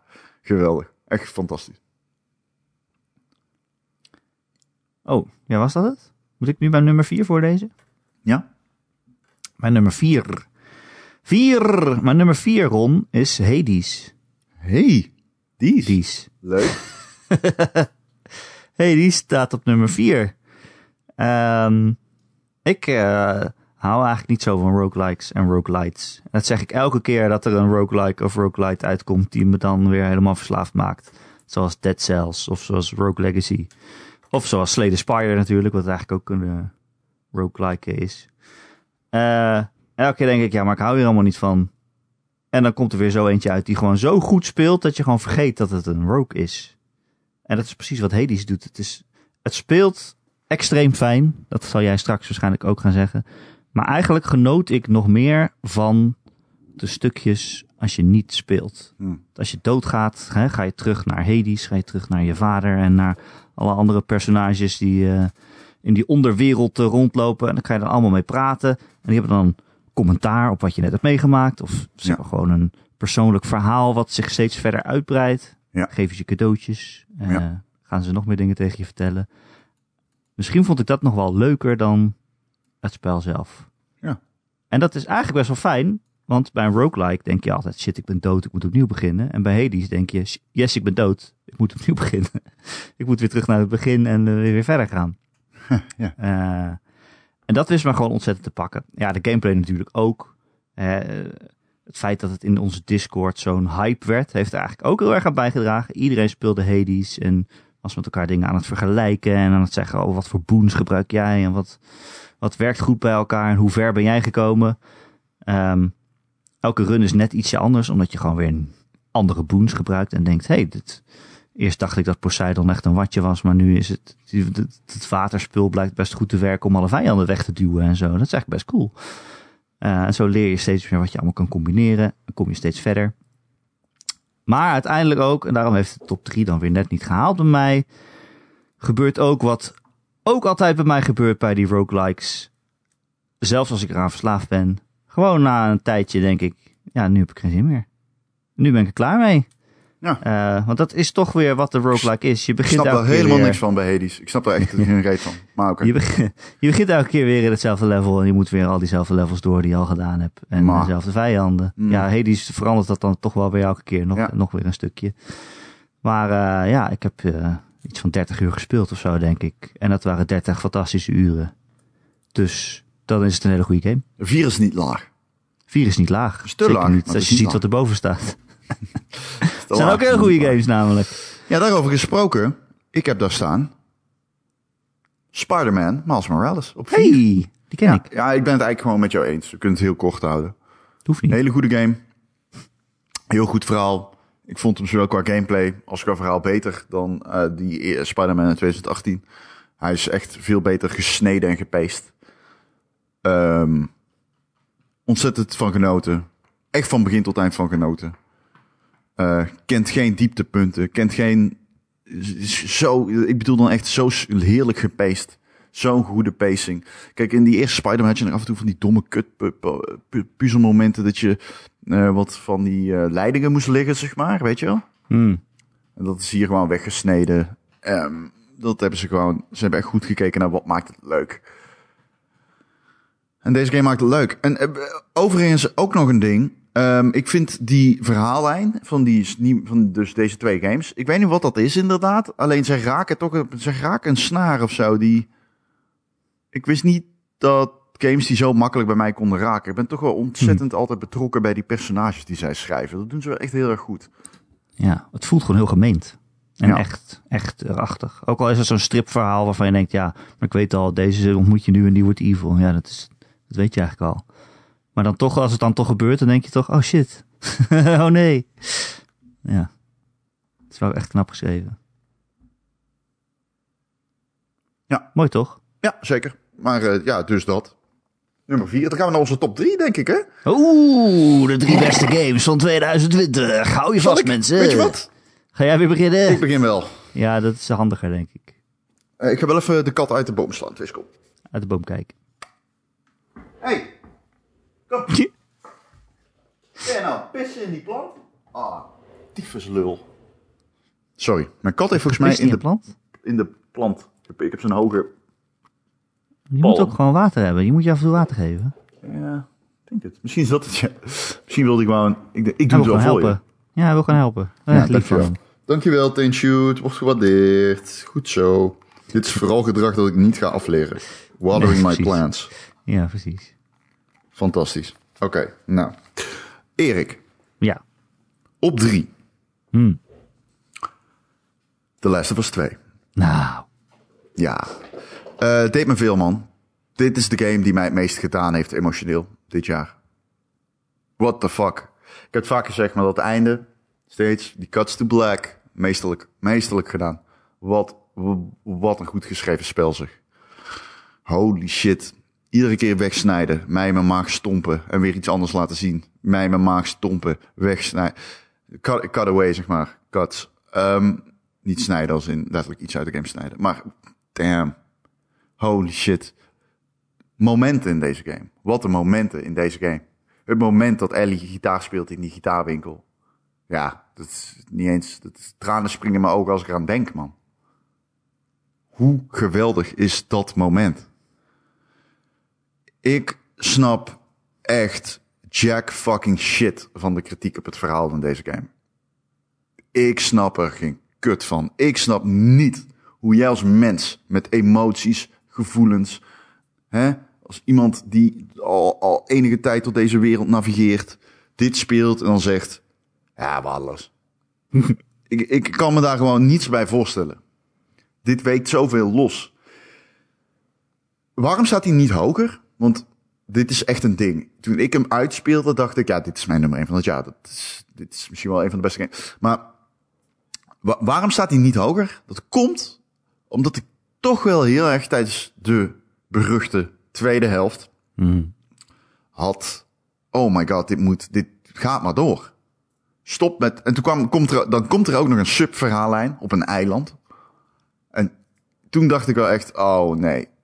Nee, dit had voor mij echt niet gehoeven. Ik vind die personages die fluiten en zo, dat vind ik heel cool. Dat is heel creepy. zeg maar die enemy faction, die doet van die rare fluitjes. Maar dat, ja, wat ze er nog even, dat ze dat er nog even in fietsen, had voor mij echt niet gehoeven. Eh, Dat maakt die, die, die, die helft had vijf uur korter moeten zijn. Dan had die eh, op twee gestaan. Ja, nee, ik Ja. snap dat wel. Ja, en dat Ik is het enige ook- valide kritiekpunt op die game, vind ik. Dat hij te lang is. Ja, dat hij te lang is, ja. Nee, ik snap het ook. Ik zat het ook. Volgens mij was het ook op dat eiland dat ik dacht... Ah, bij mij was het vooral van, oh, ik zit helemaal in het verhaal, ik wil dit allemaal weten. En nu hebben we weer zo'n heel groot kamp waar ik doorheen moet sluipen, die iedereen uit moet schakelen. En, en ik dacht, ja, dit, dit weet ik nou wel. Het is niet... Het, het, het duurt inderdaad veel te lang. Het duurt gewoon helemaal, helemaal aan het eind komt er nog een factie en zo. En dan denk Ja, je, ja, maar ze deze, fiets- zijn echt, maar deze zijn echt evil. Ja, maar deze deze is zijn dus het echt, ding. Het voelt echt echt, slechte rikken. het voelt echt alsof het erin gefietst is om die tweede helft net zo lang te maken als die eerste. Ja. En- nee, want dat is wel het ding dat ik denk, ja, hij moet ook lang zijn of zo. Nee, nee, daar ben ik het mee oneens. Want die eh, hele, dat hele gebeuren heeft mij niets anders doen vinden van het personage. Nee, de gewichtigheid van dat personage zit in de keuzes die ze maakt. Want ze is geen heldin. Ook niet. Hè? Zij neukt ook iemand die een kind krijgt, zeg maar, binnenkort. ze maakt ook mensen dood. Dat ook nog eens. Haar daden hebben, eh, krijgen gewicht door de keuzes die ze maakt. Niet doordat ze een eiland moet uitmoorden, omdat ze een eh, transseksuele jongen heeft ontmoet. Nee, maar als je... Maar dan zou je net zo goed alleen maar een, een filmpje van een uur kunnen doen met alle keuzes die ze maakt. En dat werkt dan ook weer niet. Je moet Nee, ook dat wel eh, tijd niet. Er met, is een haar, dat middenweg, toch? personage hebben. Maar er is Dat toch je- een middenweg? Ik bedoel, Ja. in The Last Ja. Ja, 1 ja, ja. heb jij ook die personages leren kennen in een kortere tijd door de keuzes die ze maken. Nee, ik, ik geef heel erg toe dat het te lang was. Maar ook... Het is ook wel weer belangrijk dat je er veel tijd mee doorbrengt of zo. Ik snap de Maar niet keuzes die ze zoveel. hebben gemaakt. Maar niet zoveel. Het- Maar het is gewoon lastig. Dat is, een last, dat is een heel lastige koorddans, denk ik. En zeker, Ja, kijk, nu hebben 10 miljoen mensen die game gespeeld. En die kunnen allemaal zeggen, ja, dit was te lang. Maar van tevoren is dat denk ik heel erg moeilijk om te zien. Ja, ik wil het trouwens ook nog even hebben, want we hebben het nu over iets negatiefs. Dit is gewoon een keuze die ze hebben gemaakt. Die keuze eh, zal, pak, pak voor mij iets minder uit. Ehm, Maar hij staat nog steeds op drie. En ik ben er ook niet per se kwaad over die keuze. Ik vind niet per se, ik, ik snap, I understand where they're coming from. Ik wil ook nog even zeggen, positieve zin, geluid, eh, art design, ehm, sound design. Fantastisch weergeloze game. Van fucking fantastisch. Ongekend. Maar gewoon allemaal dat soort creatieve keuzes in deze game pakken zo goed uit, man. Het gebruik van Take On Me. Fuck. Fuck. Holy shit, wat goed gedaan. Ja, ik krijg gewoon kippenvel ook als ik aan wel. denk, man. Ja. Die Pearl Jam track. Fuck. Wat goed gedaan. Echt, serieus. Als je deze game, als jij een PC-gamer bent, ik zie deze game niet zo snel. Dit is, lijkt me niet een logische poort voor Sony. Eh, ik zou eerder zeggen, ik probeer gewoon nog ergens een PlayStation 4 op de kop te tikken. En de, spe- specifiek voor deze fucking game, want hij is echt zo goed. Mijn nummer drie, Ron. Ja. Als ik mag gokken, is dat jouw nummer twee? Namelijk Ori and the Will and of the Wisps. of the Wisps. Ja, dat klopt. Dat is mijn nummer twee. wat een game. Ja, wat, wat een een game, game, ja. is dat. Ja, dat is echt eh, fantastisch. ja. Het speelt gewoon perfect. Gewoon vloeiend. Gewoon Ja. precies wat je met zo'n soort Metroidvania platformactiespel moet hebben. Gewoon, Ja. Het reageert precies wat je wil. Want je dat kan, is het. Dat is het, hè? Ja, Het is echt een Metroidvania. Daarom mocht ik net zeggen dat Astros de beste platformer is. Want dat is echt een platformer. ja. En dit is wel echt een Metroidvania. Waarin je op platformen springt toevallig. Ja, maar waar, als je dan gaat hebben over welke speelt vloeiender, Ja, Ori, duidelijk. dan wint Ori. Ja. Ja, dat is een, een game design aspect dat ik heel belangrijk vind. Hoe, vloe, hoe voelt het? Hoe vloeit het? Hoe, is het, hoe rijg je ehm, het aan elkaar? En ik weet dat jij eh, eh, eh, bent, dus jij mag nu. Nee, ja, het is jouw nummer twee ook. Dus we kunnen het lekker samensmelten. Nou, ik heb een stukje geschreven over mijn nummer 1. Maar daar, daarin hebben, haal ik het volgende aan over Ori. En dat wil ik eigenlijk even zeggen. Ik zal het gewoon voorlezen. En dat is... ehm, ik noemde die game de vloeiendste game van het jaar toen al. Dat zou het uiteindelijk niet worden, want mijn nummer 1 vind ik vloeiender. maar Die triple jump in die game is echt bronmateriaal voor een driedelige romanreeks. En hoe jij sierlijk en vloeiend door die sprookjesachtige werelden katapulteert. En eh, dat meen ik echt, dat is echt studievoer voor iedereen die platformers maakt. Want holy shit, wat voelt deze game goed. En wat is het leuk om beelds te maken en die dan resoneren met jouw speelstijl of de situatie waar jij nou ja, op afstevend in je speelsessie bijvoorbeeld een boss fight. Dat je gewoon denkt, oké, nu Oh. wordt dit mijn beeld. Oh, die game is zo fucking, fucking gruwelijk goed. Dit Ja, was de eerste game dat jaar die ik echt speelde. Dat ik dacht, oh, fuck, holy fucking shit, dit is, dit is het hoor. Dit is, voor mij is dit echt zo'n game die het einde van de generatie tekent. Dit is echt zo'n God Ja. of War 2 voor mij. En nou ook eh, een studio die gewoon on top of their game is. Die gewoon Ori 1 hebben gemaakt. Waarvan wij al zeiden, dit is echt eh, fantastisch. Dit is een geweldige game. Ja, Ja, daar waren dingen mis mee, maar ja. die hebben alles opgepakt. Wat, er ooit, wat je ooit zou kunnen bedenken dat er mis was met Ori 1. En alles aangeslepen en verbeterd. En Ja. vloeiender gemaakt. En meer Ja. keuze en grotere wereld. En uitdagerende bazen ook eigenlijk wel. ja Dus dat en wel. verhalend, man. Verhalend, ja, dat is... Tekken Dat heette stap- bijna Ori, hoor. Mag je best weten. Oh, oh. Eh, dat is dan weer, kijk, wat jij, jij bent, dat is ook echt al het verschil tussen ons vaak. Dat jij bent iemand die heel erg aanslaat op van, oh, dit speelt heel vloeiend en heel fijn. En ik ben iemand die heel erg aanslaat op, oh, dit geeft mij een Fijn heel gevoel. warm, een warm gevoel, Ja. een fijne wereld, een Ja. magische wereld, een, een verhaal waarbij ik in het begin al bijna een jank uitbarst eigenlijk. Zonder dat er echt heel veel tekst in zit of zo. Het zijn gewoon plaatjes, maar oh, die Ori en zijn uilenvriendje, ik vind het echt Zo, ja. ik was het toen volgens mij aan het streamen en toen gebeurde er iets in die game waarvan ik dacht, oh kut, ik dacht dat dit gewoon een vrolijke sprookjesgame was en nu gebeurt er gewoon iets emotioneels. Daar was ik niet op voorbereid. Eh, ja, dat doet het ook gewoon nog. Het is zo'n mooie, prachtige wereld die ook nog eens je zo kan raken.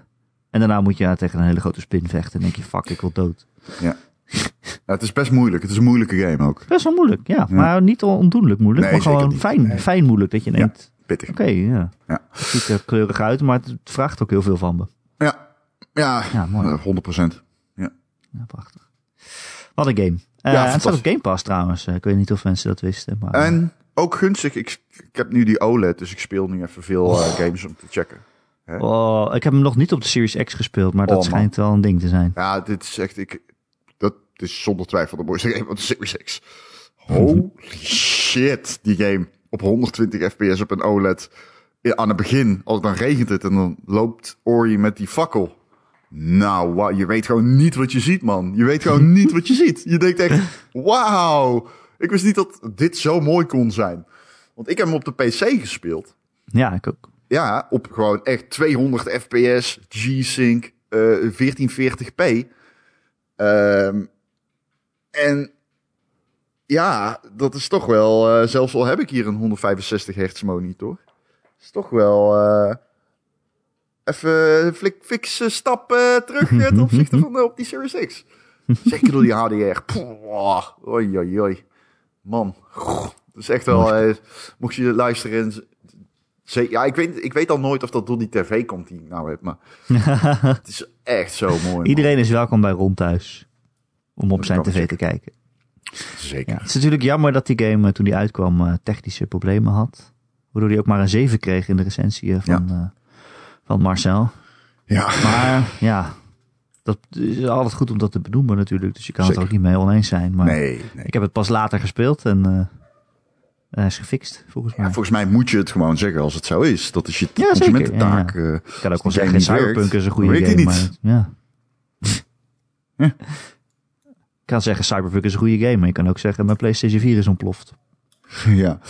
ja. Ja, ik ga even wat boze mail sturen naar de Game.nl redactie, denk ik trouwens. Omdat we geen eh, Cyberpunk in de top 10 hebben gezet. Heb jij Cyberpunk niet in je top 10, Ron?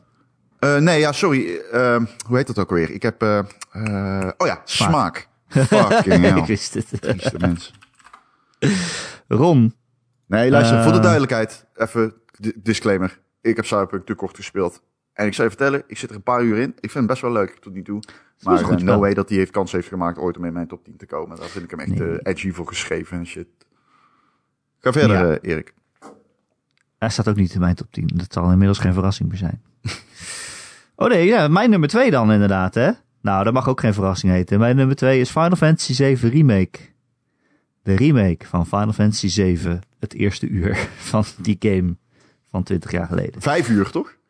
Ja, zoiets. Ja, vijf uur. Ja, de eerste vijf uur. Maar dan in, na 30 uur gemaakt. En van tevoren denk je, dat gaat nooit werken. Hoezo Nee. alleen dat stukje in de stad? Ik weet, ik weet dat niet eens meer van de vorige game. Ik weet alleen nog Sephiroth. Ja. En eh, dat soort shit. Maar ze doen het gewoon. En ze doen het gewoon met verven. Wat een game is Final Fantasy 7 Remake. Ik weet niet of het drijft op nostalgie. Of dat het zonder dat ook leuk is. Maar het is mijn top 10. En ik heb heel veel nostalgie. Dus dat komt mooi uit. Ja. Maar volgens mij ook zonder dat je de oude game gespeeld hebt, kun je zien dat dit zo'n fijne, fijne groep personages is.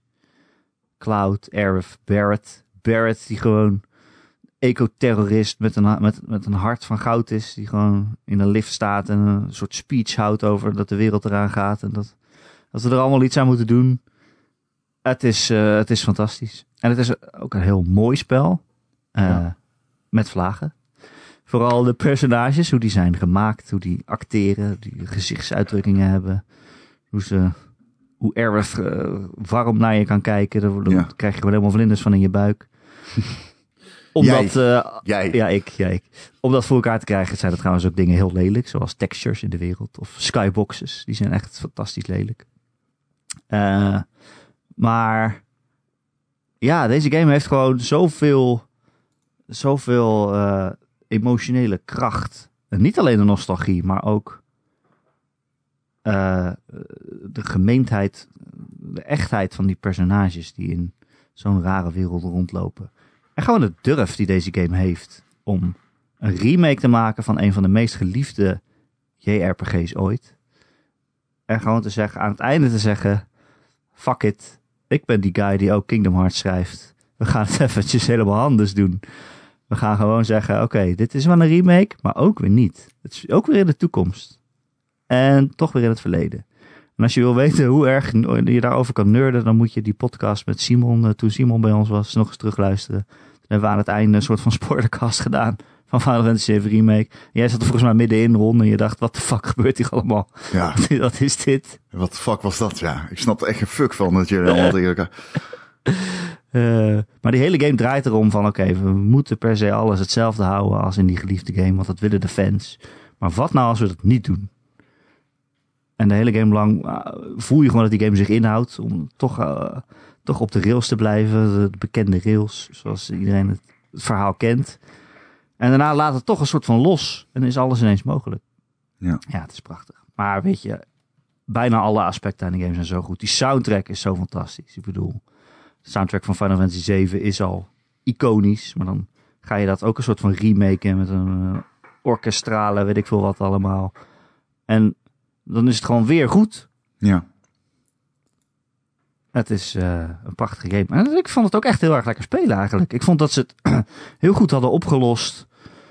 Dat ze geen eh, turn-based game wilden zijn. Maar toch ook wel, ook wel weer wel, omdat het nou helemaal Mijn kat Fantasy is 7 aan is. Ja, ik weet niet wat ik allemaal hoor. Dat is een dat is zo. dat echt, Ja, sorry eh, jongens, ik moet echt die... Poep op Final Fantasy 7. Ik moet misschien wel een kantoortje, ik moet misschien Ja. wel mijn kledingkamer gaan omwisselen naar een kantoortje gaan omtoveren. Want dit schiet niet op, zeg maar. Ehm, ik weet niet meer wat ik wilde zeggen, alleen dat Final Fantasy 7. Ik, ik durfde niet eens te hopen dat het goed zou worden, want ik ben natuurlijk groot fan van het origineel. En ja, heb ik gespeeld eh, hè, in, de, vormende jaren van mijn leven. Ik, hoopte het niet, ik durfde niet eens te hopen dat het zo goed zou worden. En nu zit ik echt van... Zit, gaan, ze, gaan ze überhaupt nog dat vervolg maken? Wil ik het überhaupt wel? Of is het zo goed? Of is het... Ja. Ja. Ik ben heel benieuwd wat ze ermee gaan doen. Ja, Echt heel erg benieuwd. ja. Maar wat een goede game. Final Fantasy 7 Remake. Ook als je nooit Final Fantasy 7 hebt gespeeld, probeer het gewoon eventjes. ja. Het is Ja, echt ik, heel eh, ik, ik moet zeggen, ik ben er nog steeds mee bezig. Dus. Eh. Ja, dat ga je niet meer doen, toch? Onderschat mij niet. eh. ja, dat is waar. Als je 40 uur Assassin's Creed kan spelen, dan... Terwijl je het helemaal niet leuk is. ja, als ik dat al mezelf aandoe. Eh, we zijn bij de nummer 1, Ron. Ja. Ja, we, we kunnen keuzes maken hier. Want eh, we- iedereen weet welke games dat zijn bij mij Ja. en bij jou. ja, ja, ja. Ik waardeer het is al jou nummer voordat 1. ze gingen luisteren, denk Laat ik. ik dat voorop stellen. Dat was het. Ja. Dat was wat Oh. ik wilde zeggen. Ik, respect- ik respecteer je keuze. Ja, ik vind het een goede keuze. Eh, ik denk dat jij hetzelfde over mijn nummer 1 zal zeggen. Het symboliseert heel erg hoe wij anders naar games kijken, denk ik. Ja, Dat is ook wel mooi. net zoals we dat al- allebei bij Ori kwam dat samen. Ja. Nee, oké, dus ik heb Hades. Jij hebt The Hey. Last of Us 2. Ja, Ehm, wie begint? Ja, eh, ja, goede vraag. Dus ik kan echt niet kiezen. Nou ja, ik heb al een heel betoog afgestoken over The Last of Us 2. Dat is waar. Ik heb al iets verteld over Hades. Oh ja, dat is ook waar. Ehm, Ron, eh, laat ik het dan maar gewoon zeggen. Eh Last of Us 2 is inderdaad mijn Game of the Year. En ik heb ook zo'n favoriet van de redactiestukje geschreven. Die ging in principe niet over Last of Us 2, want die ging over Persona 5.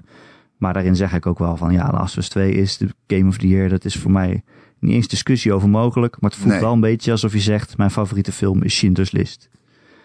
Ik bedoel, tuurlijk, je hebt gelijk. Het is een hele goede film. Een heel belangrijke film. Maar ik denk niet op een vrijdagavond van, ik ga eens even gezellig Schindler's List opzetten. ik hoef nooit meer The Last of Us 2 uit te spelen. Nooit meer in mijn Precies. Ja, ik wil hem wel nog steeds nog een keer spelen. Maar het is wel zo'n game waarvan je denkt, als je eraan terugdenkt van... Oké, het is fucking goed, maar ik ben ook echt gewoon helemaal kapot. Ja, En ik absoluut. weet niet meer waar ik het zoeken moet. En ik, weet je, ik recenseerde natuurlijk die game. Dus ik speelde het ook zonder enige verwachting, zonder dat ik wist dat er kwam. Ja, er waren wel al, al spoilers uitgelekt, maar daar had ik niet naar gekeken. Nee. Ehm, en ik was helemaal in mijn eentje. En Ik, kan, ik bedoel, heel veel mensen hebben daar met elkaar over gediscussieerd, over dat spel. En dat had ik ook niet echt. Ja, één iemand die ik kende die het ook speelde op dat moment. Maar ik speelde dat helemaal in mijn eentje en niemand had hem nog. En ik was gewoon echt helemaal kapot. En ik dacht, shit, gaan ze deze game echt uitbrengen? En ze, al die mensen die dit ook moeten voelen. Wat kut voor ze. Ja. Eh, maar wel, inderdaad, wat goed. Wat een ontzettend goed spel Ja. wat jij allemaal al zegt. Ik vind gewoon dat deze game het medium op zoveel aspecten gewoon eh, de bar raised. Gewoon de- de- naar een nieuw, nieuw niveau tilt. Acteerwerk is Ja. werkelijk echt fantastisch. ja, dat is echt, Echt? fantastisch. Dat is echt ongeëvenaard. Ongelooflijk. Ja. Ehm, het oog voor details. Het, het- de animaties. Hoe overal zeg maar een eigen animatie voor is.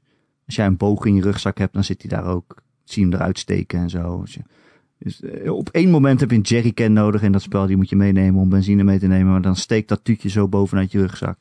Dat je denkt, fuck, ze hebben ook overal aan gedacht. Ehm, de muziek, ja, wat jij al zei. Eh, maar ja, dat verhaal vooral. Dat verhaal heeft mij zo gepakt. En ik dacht nog, dat vind ik nog het knapste. Want ik heb me er nog tegen verzet. Die game die heeft, nou, zoals heel veel luisteraars zullen weten inmiddels, die heeft halverwege een grote twist, een grote turn. En toen die kwam, toen dacht ik echt bij mezelf, oh nee, hè.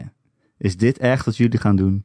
Moet, moet ik, willen jullie dat ik dit en dit ga voelen? Oh, hier is een hond die je gaat aaien. Moet ik nu daar emotioneel voor worden of zo? Dat ik denk, oh no, nee. Mensen zijn slecht en hier is een hond. Ja. Zo slecht is het allemaal toch weer niet. Ik heb me Nee. er echt gewoon actief tegen verzet. Dat ik dacht, ik, ik heb hier echt een hekel aan. Ik, wil het, ik vind het echt een stomme keuze. En dan ga je Ja. verder spelen. En daarom zei ik net ook van, ja, je hebt ook wel tijd nodig met, na deze twist. Dus ik snap dat het te lang is, maar het is ook moeilijk om het... Je, kan het, je had het ook te kort kunnen maken, zeg maar. Je hebt daar echt de tijd voor nodig, althans ik wel, om daar echt bij te draaien. En dat vind ik zo knap van die game.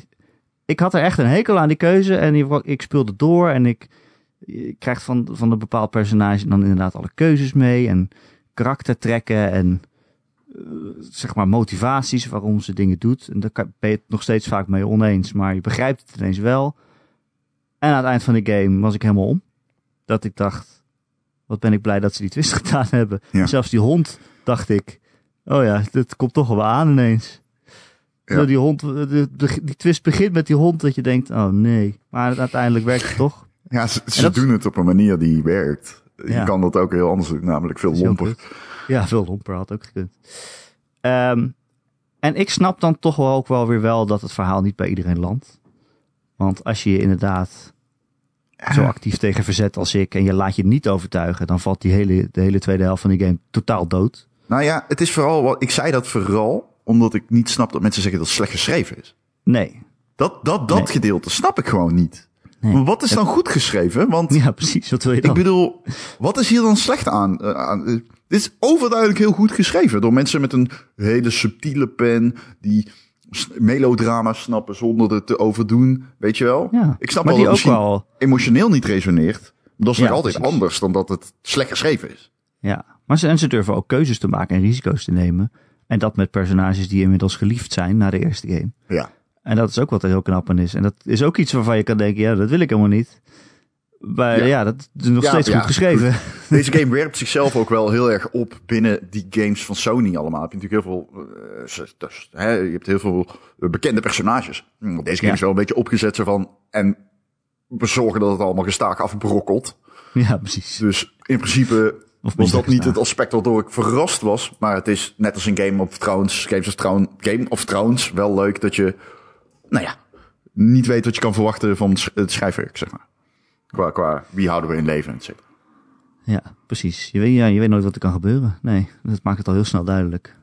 En daarna denk je ook, het eh werd nergens veilig.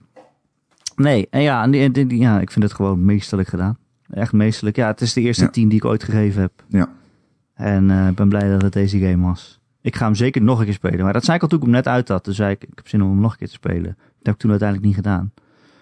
Ehm, ik weet eigenlijk niet. Ja, ik hoop dat er nog een soort van PlayStation 5 update komt of zo. Of is die er al? Weet ik niet. Dat hij misschien straks op 60 fps draait of wat dan ook. Ja, weet ik niet. Ja. Hij Dat, staat op eh, mijn lijst om nog een keer gespeeld te worden. Want het is zo'n fantastisch goede game. Het is echt gewoon absurd goed op zoveel dingen. Zelfs als, dat, als die emoties niet bij je aankomen, dan moet je toch naar deze game kijken en zeggen: Oké, de wereld, de graphics op een PlayStation 4. Zo. Fucking, hoe doen ze dat ooit? Ja. Die animaties, de, de- de acteren, de motion capture, Ja. al die dingen. Hoe dat allemaal samenkomt, dat, dat is een meesterwerk. Ja, absoluut. 100% eens. 100% eens. Oké, nu jij. Ja, ik baal een beetje van dat ik jou weer eerder heb laten gaan. Maar eigenlijk verdien jij het meer om eh, eerder te gaan. Eh, nee, later te gaan. Nee, jij mag wel afsluiten. Dat is toch fijn? Tijdens jouw betoog. Maar dankjewel. Eh mijn nummer 1 is Hades. Ik heb Hades een 10 gegeven. Jij hebt de Last of Us 2 ook een 10 gegeven. Nog wel interessant Ja. even te zeggen trouwens. Dat zegt wel Dat doen wij nooit. Dat doen wij nooit. Nee, dat doen wij nooit. Ik heb dat In in het 11 leven. jaar twee keer gedaan. Dit was de tweede keer. Wat was de eerste 13 keer? 13 jaar. Ehm, het is lang geleden dat een game mij zo greep als Hades. Maar het is nog veel langer geleden dat een game die ik speelde alsmaar beter leek te worden. En dat is denk ik wat Hades voor mij is. Ik heb hem nu 160 uur gespeeld. Jezus Christus. En ik speel hem nog steeds. Eh niets zorgt ervoor dat ik wil stoppen met spelen. Dat wordt uitstekend gefaciliteerd door de endgame. En eh, zelfs het verhaal dat... Snap niet hoe kan er zoveel dialoog in een game zitten. Ik, Hm. hebben die mensen ooit geslapen? Echt ik snap er echt geen reet van. Er zit zoveel dialoog in dit spel. Ehm, ik heb nog steeds dingen die ik nieuw krijg en leer en hoor. En dat is zo zeldzaam. Maar Hades is zeldzaam. Hades is echt een super zeldzaam totaalpakket. Het is zo makkelijk om deze game aan iemand aan te raden. Het is zo makkelijk. Je kan gewoon tegen iedereen zeggen, het maakt niet uit wat hij speelt. Ga Hades spelen. Kijk, als je alleen de Sims speelt, oké. Maar als jij wel versed bent met paukjes, zou ik bijna zeggen, ja, geef Hades een kans. Het speelt zo, zo, zo, zo, zo, zo, zo ontzettend vloeiend. Maar ik vind het het knapst van allemaal dat Hades verder in niets te wensen overlaat. Deze game is op... Het is een van de stilistische games ooit gemaakt. Muzikaal, bril, fucking jant. Ik luister die soundtrack echt bijna dagelijks. Zelfs in de gym. Het verhaal is echt geweldig. Ze doen echt fantastische dingen richting het einde. Die ik niet wil spoilen. Maar iedereen die deze game gespeeld heeft, weet dat het verhaal ook een motivator is om jou spelende te houden. En dat in een roguelike. De setting. Ja, ik vind het zo cool. Je speelt een. Je speelt de zoon van Hades. En je moet uit de onderwereld ontsnappen. En je doet dat iedere keer weer. Klim je uit je raam. Eh, totdat je na vele pogingen het einde haalt. En dat is niet het einde. En dat is het mooie aan deze game. Deze game gaat alsmaar door. Het is een singleplayer game, maar het voelt bijna alsof ze gewoon online updates hebben geschreven. Omdat er gewoon zoveel is. Eh, herspeelbaarheid is dus ook nog eens echt, ja, fantastisch. Het is zo breed als het diep is. En het blinkt echt overal in uit. En dat is zo zelden. Een game die zo ongenaakbaar is in afleiding. Dat is zo zelden. Deze game laat echt zien hoe goed games geworden zijn. Hades laat echt zien dat de tijden dat de consolemarkt werd overspoeld met middelmaat definitief achter ons liggen. Deze game, het is, we zitten nu in een stadium van videogame entertainment dat je niet meer, dat je het echt kan gaan hebben over moderne klassiekers een week nadat ze zijn uitgekomen. Omdat Mhm. je games als The Last of Us en Hades hebt, die zo goed zijn in wat ze willen doen.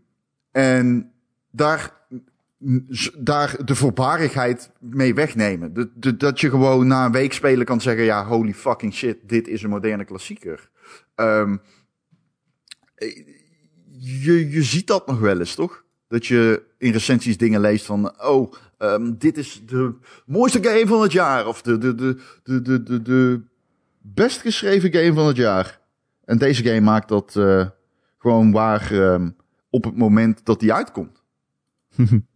en dat komt omdat die game is niet voorbarig gemarket. Die, is gewoon, die heeft gewoon kunnen rijpen in de handen ja, van Supergiant Games. En Ja.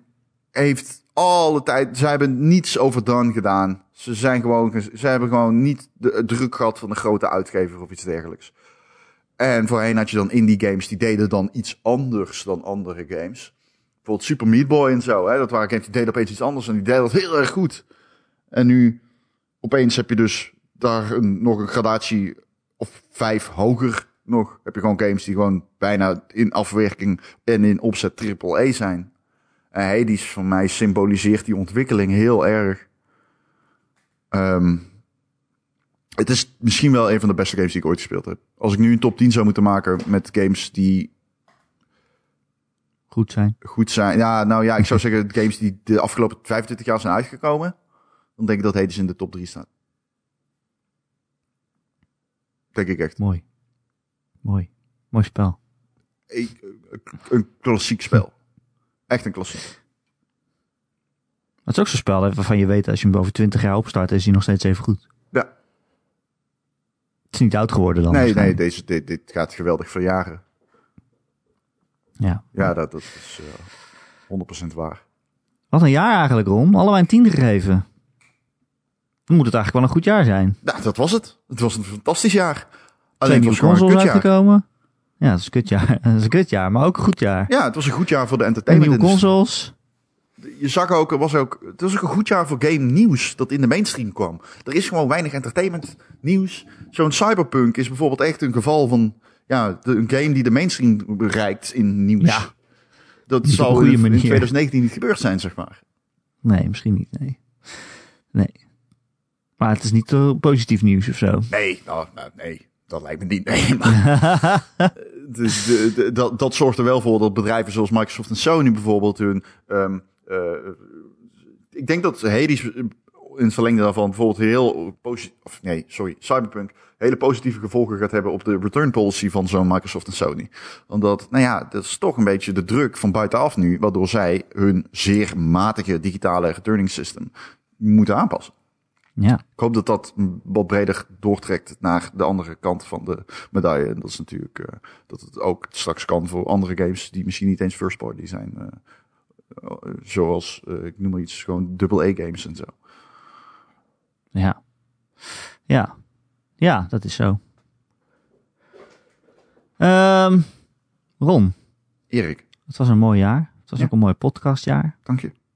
Ik Jij was het mooi fijn om een jaar lang met jou gepodcast te hebben. Het was leuk. Ik hou een beetje van je, man. Ah, ik ga je missen over de dagen. Want we moeten elkaar even niet spreken. Want? We kunnen elkaar niet spreken. Dat bedoel ik. Kan wel, je mag hem altijd bellen hoor. Oh, ja, nee, dat gedeelte, dat, dat komt goed. Ik ga je bellen om 12 uur klokslag. Oh Met, god, met oud en nieuw. ben je er zo heen? Ja. Erik! lekker Ja, ik ben kei dronken dan. Dat, ja, niet door. vuurwerk! vuurwerk!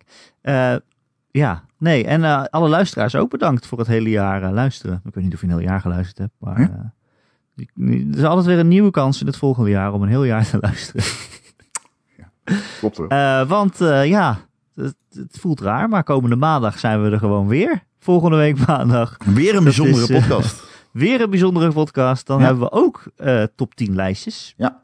En dan de top 10 van volgend jaar. Zo doen Waar we het inmiddels we al meest- jaren, dus dat is geen verrassing. Maar Nou ja, er zijn ook allemaal nieuwe luisteraars bijgekomen dit jaar, Ron. We moeten het even uitleggen. Waar kijken we het meest naar uit? De top 10. En Gamer.nl heeft natuurlijk zelf een top 100. Met 100 games van eh, 2021. Waar ik ook aan mee heb geschreven vanaf... eh, vanaf wanneer is dat? Vanaf de tweede kerstdag volgens mij. ja, Dus dat is nu al begonnen als je dit luistert. Ja, Eh, elke dag een nieuwe aflevering op gamer.nl. Lees dat vooral, want daar gaat altijd heel veel liefde en werk en eh, ja, gamepassie in zitten. ja, en je 100 weet games na is die heel veel. artikelreeks precies wat je kan verwachten van 2021. Dat is ook wel eens Ja. fijn. En In-game. games die niet uitkomen, maar er toch in staan. Ja, dat ook. Ja, true. Eh, maar het is een traditie op gamer.nl die we altijd eh, ja, met heel veel eh, plezier maken. En ook nu op de website trouwens de top 25 games van 2020. Als je een meer objectieve lijst wil horen dan die van Ron en ik. Hier hebben heel de redactie over gevochten. Eh, weet je wat trouwens nog wel grappig is? Wat? Die top 10 die we hebben gemaakt met, eh, in de vorige podcast. Ja. Die eerste vier komen overeen met mijn top 4. Echt? Ja, dus dat is grappig. Want ik voor elkaar. Marcel zei toen nog van, eh, wow, eh, ik denk dat ik degene ben die echt tevreden kan zijn met deze lijst. En toen, zei ik volgens mij nog van, nou, ik denk dat ik meer tevreden kan zijn. ik had mijn lijst al klaar, dus ja. Maar ik had toen gewoon moeten weten wat ik pas bij de Gamer.nl top 25 achter ben gekomen. Is dat ik jou moet inschakelen voor dingen. Ja. ja, ik Dat ben ik jou gewoon moet omkopen, zodat jij gaat vechten. Want jij bent gewoon, ja, weet je, je hebt al een grote mond. Hoe noem je dat? Je, bent, je laat je mening duidelijk horen. En als ik Final Fantasy 7 Remake ergens in wil, dan in mijn eentje, dan lukt het niet. Maar ik ben Als goed ik om aan je kant als ik Ron- staan. Dat is als ik dan lukt het waarschijnlijk ineens.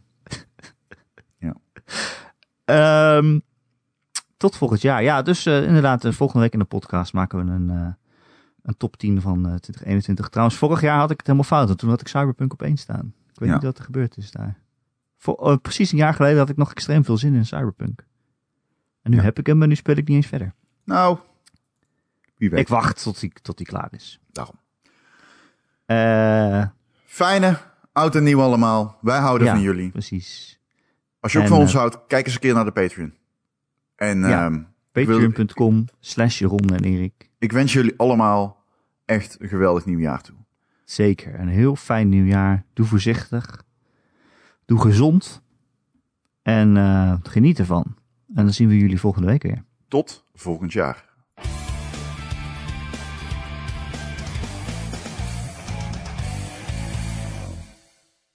Hebben ze eigenlijk een first en second Christmas day? Hoe, hoe, hoe gaat dat? eh, hoe doen ze dat in Amerika? Dat is Boxing Day, toch? Tweede kerstdag. Eh, ja, dat klopt. Boxing Day. ja. Dat weet ik. Maar is dat Brits of is dat ook Engels? Oh, dat Of Brits? Amerikaans? Is dat Brits? Gingen ze toen boksen of zo vroeger? Ja, Boxing Day. Ik weet niet waarom het Boxing Day heet, maar je had wel. ehm, want je hebt Boxing Day altijd, heb je eh, Premier League voetbal. Daarom, daarom ken ik Boxing Day. Maar volgens mij in Amerika is eh, Christmas Eve heel, heel groot. Ja, je hebt dan, dan, ga je, dan ga je dat vieren en dan word je ochtends wakker en dan liggen alle cadeautjes onder de boom. Ja, maar hebben die geen eerste en tweede kerstdag? Weet ik dat- niet. Dat, ik ga, ik eens Ik heb opzoeken? nooit van Second Christmas Day gehoord. Nee. Voor mij is het Christmas Eve en dan allemaal eten en alles. En dan wakker worden en dan cadeautjes eh, opmaken. Eerste kerstdag Er zit er Amerika. een Nintendo 64 in en dan ben je super blij. In de Verenigde Staten vieren ze bijvoorbeeld alleen de eerste kerstdag. Ja. Maar ze hebben wel weer Thanksgiving, dus... Thanksgiving is geen christelijke traditie, toch? Nee, dat is een Amerikaanse. Dat is toen Amerika werd ontdekt en ze gingen dus dat kopen heeft van de niets te Indianen maken met, eh, met Dat volgens de geboorte van Jezus Christus. Ze vieren dat ze Amerika hebben gekocht van de Indianen voor een kraal en een eh ketting. spiegeltje. Zo hebben wij ook bo- eh, Boxing Day. Dat is wanneer we Nieuw Amsterdam hebben verkocht aan Amerika. Dat was Ze zijn er mooi vanaf. een York, sorry. Dus de Britten. Jork. Ja, Jork. Nieuw Amsterdam. Ja, zo heette het vroeger. Ja, zo heet het. En toen werd het York. Volgens mij hebben ze het verkocht voor een, iets heel doms. Het recht om ergens te mogen vissen. ja, Het recht om ergens mogen vissen, maar dat Ja, is hoe de Brexit nu ook weer gegaan is. We hebben Engeland teruggekocht aan de brexit mensen voor visrechten. Ja, dat, ja, dat was een ding. Over 100 jaar is het Brexit Day een eh, feestdag. Is deze podcast al begonnen? Ja. Weet ik niet, joh. Nee, Nee. dit komt allemaal achteraf. Oh, dit komt achteraf. Oké, nou, dan heb je een klein stukje beginnen? educatie gehad. Eh, Dus gaan we nu beginnen? vierde Dit is dus-. Dit is dus de postcredits. Gaan we nu beginnen. Dus als je dit aan het eind luistert, dan heb je net gehad wat wij net nu gaan opnemen. Ja, het gaat vaker zo. Dus tijdreizen is dat. Dit is tijdreis.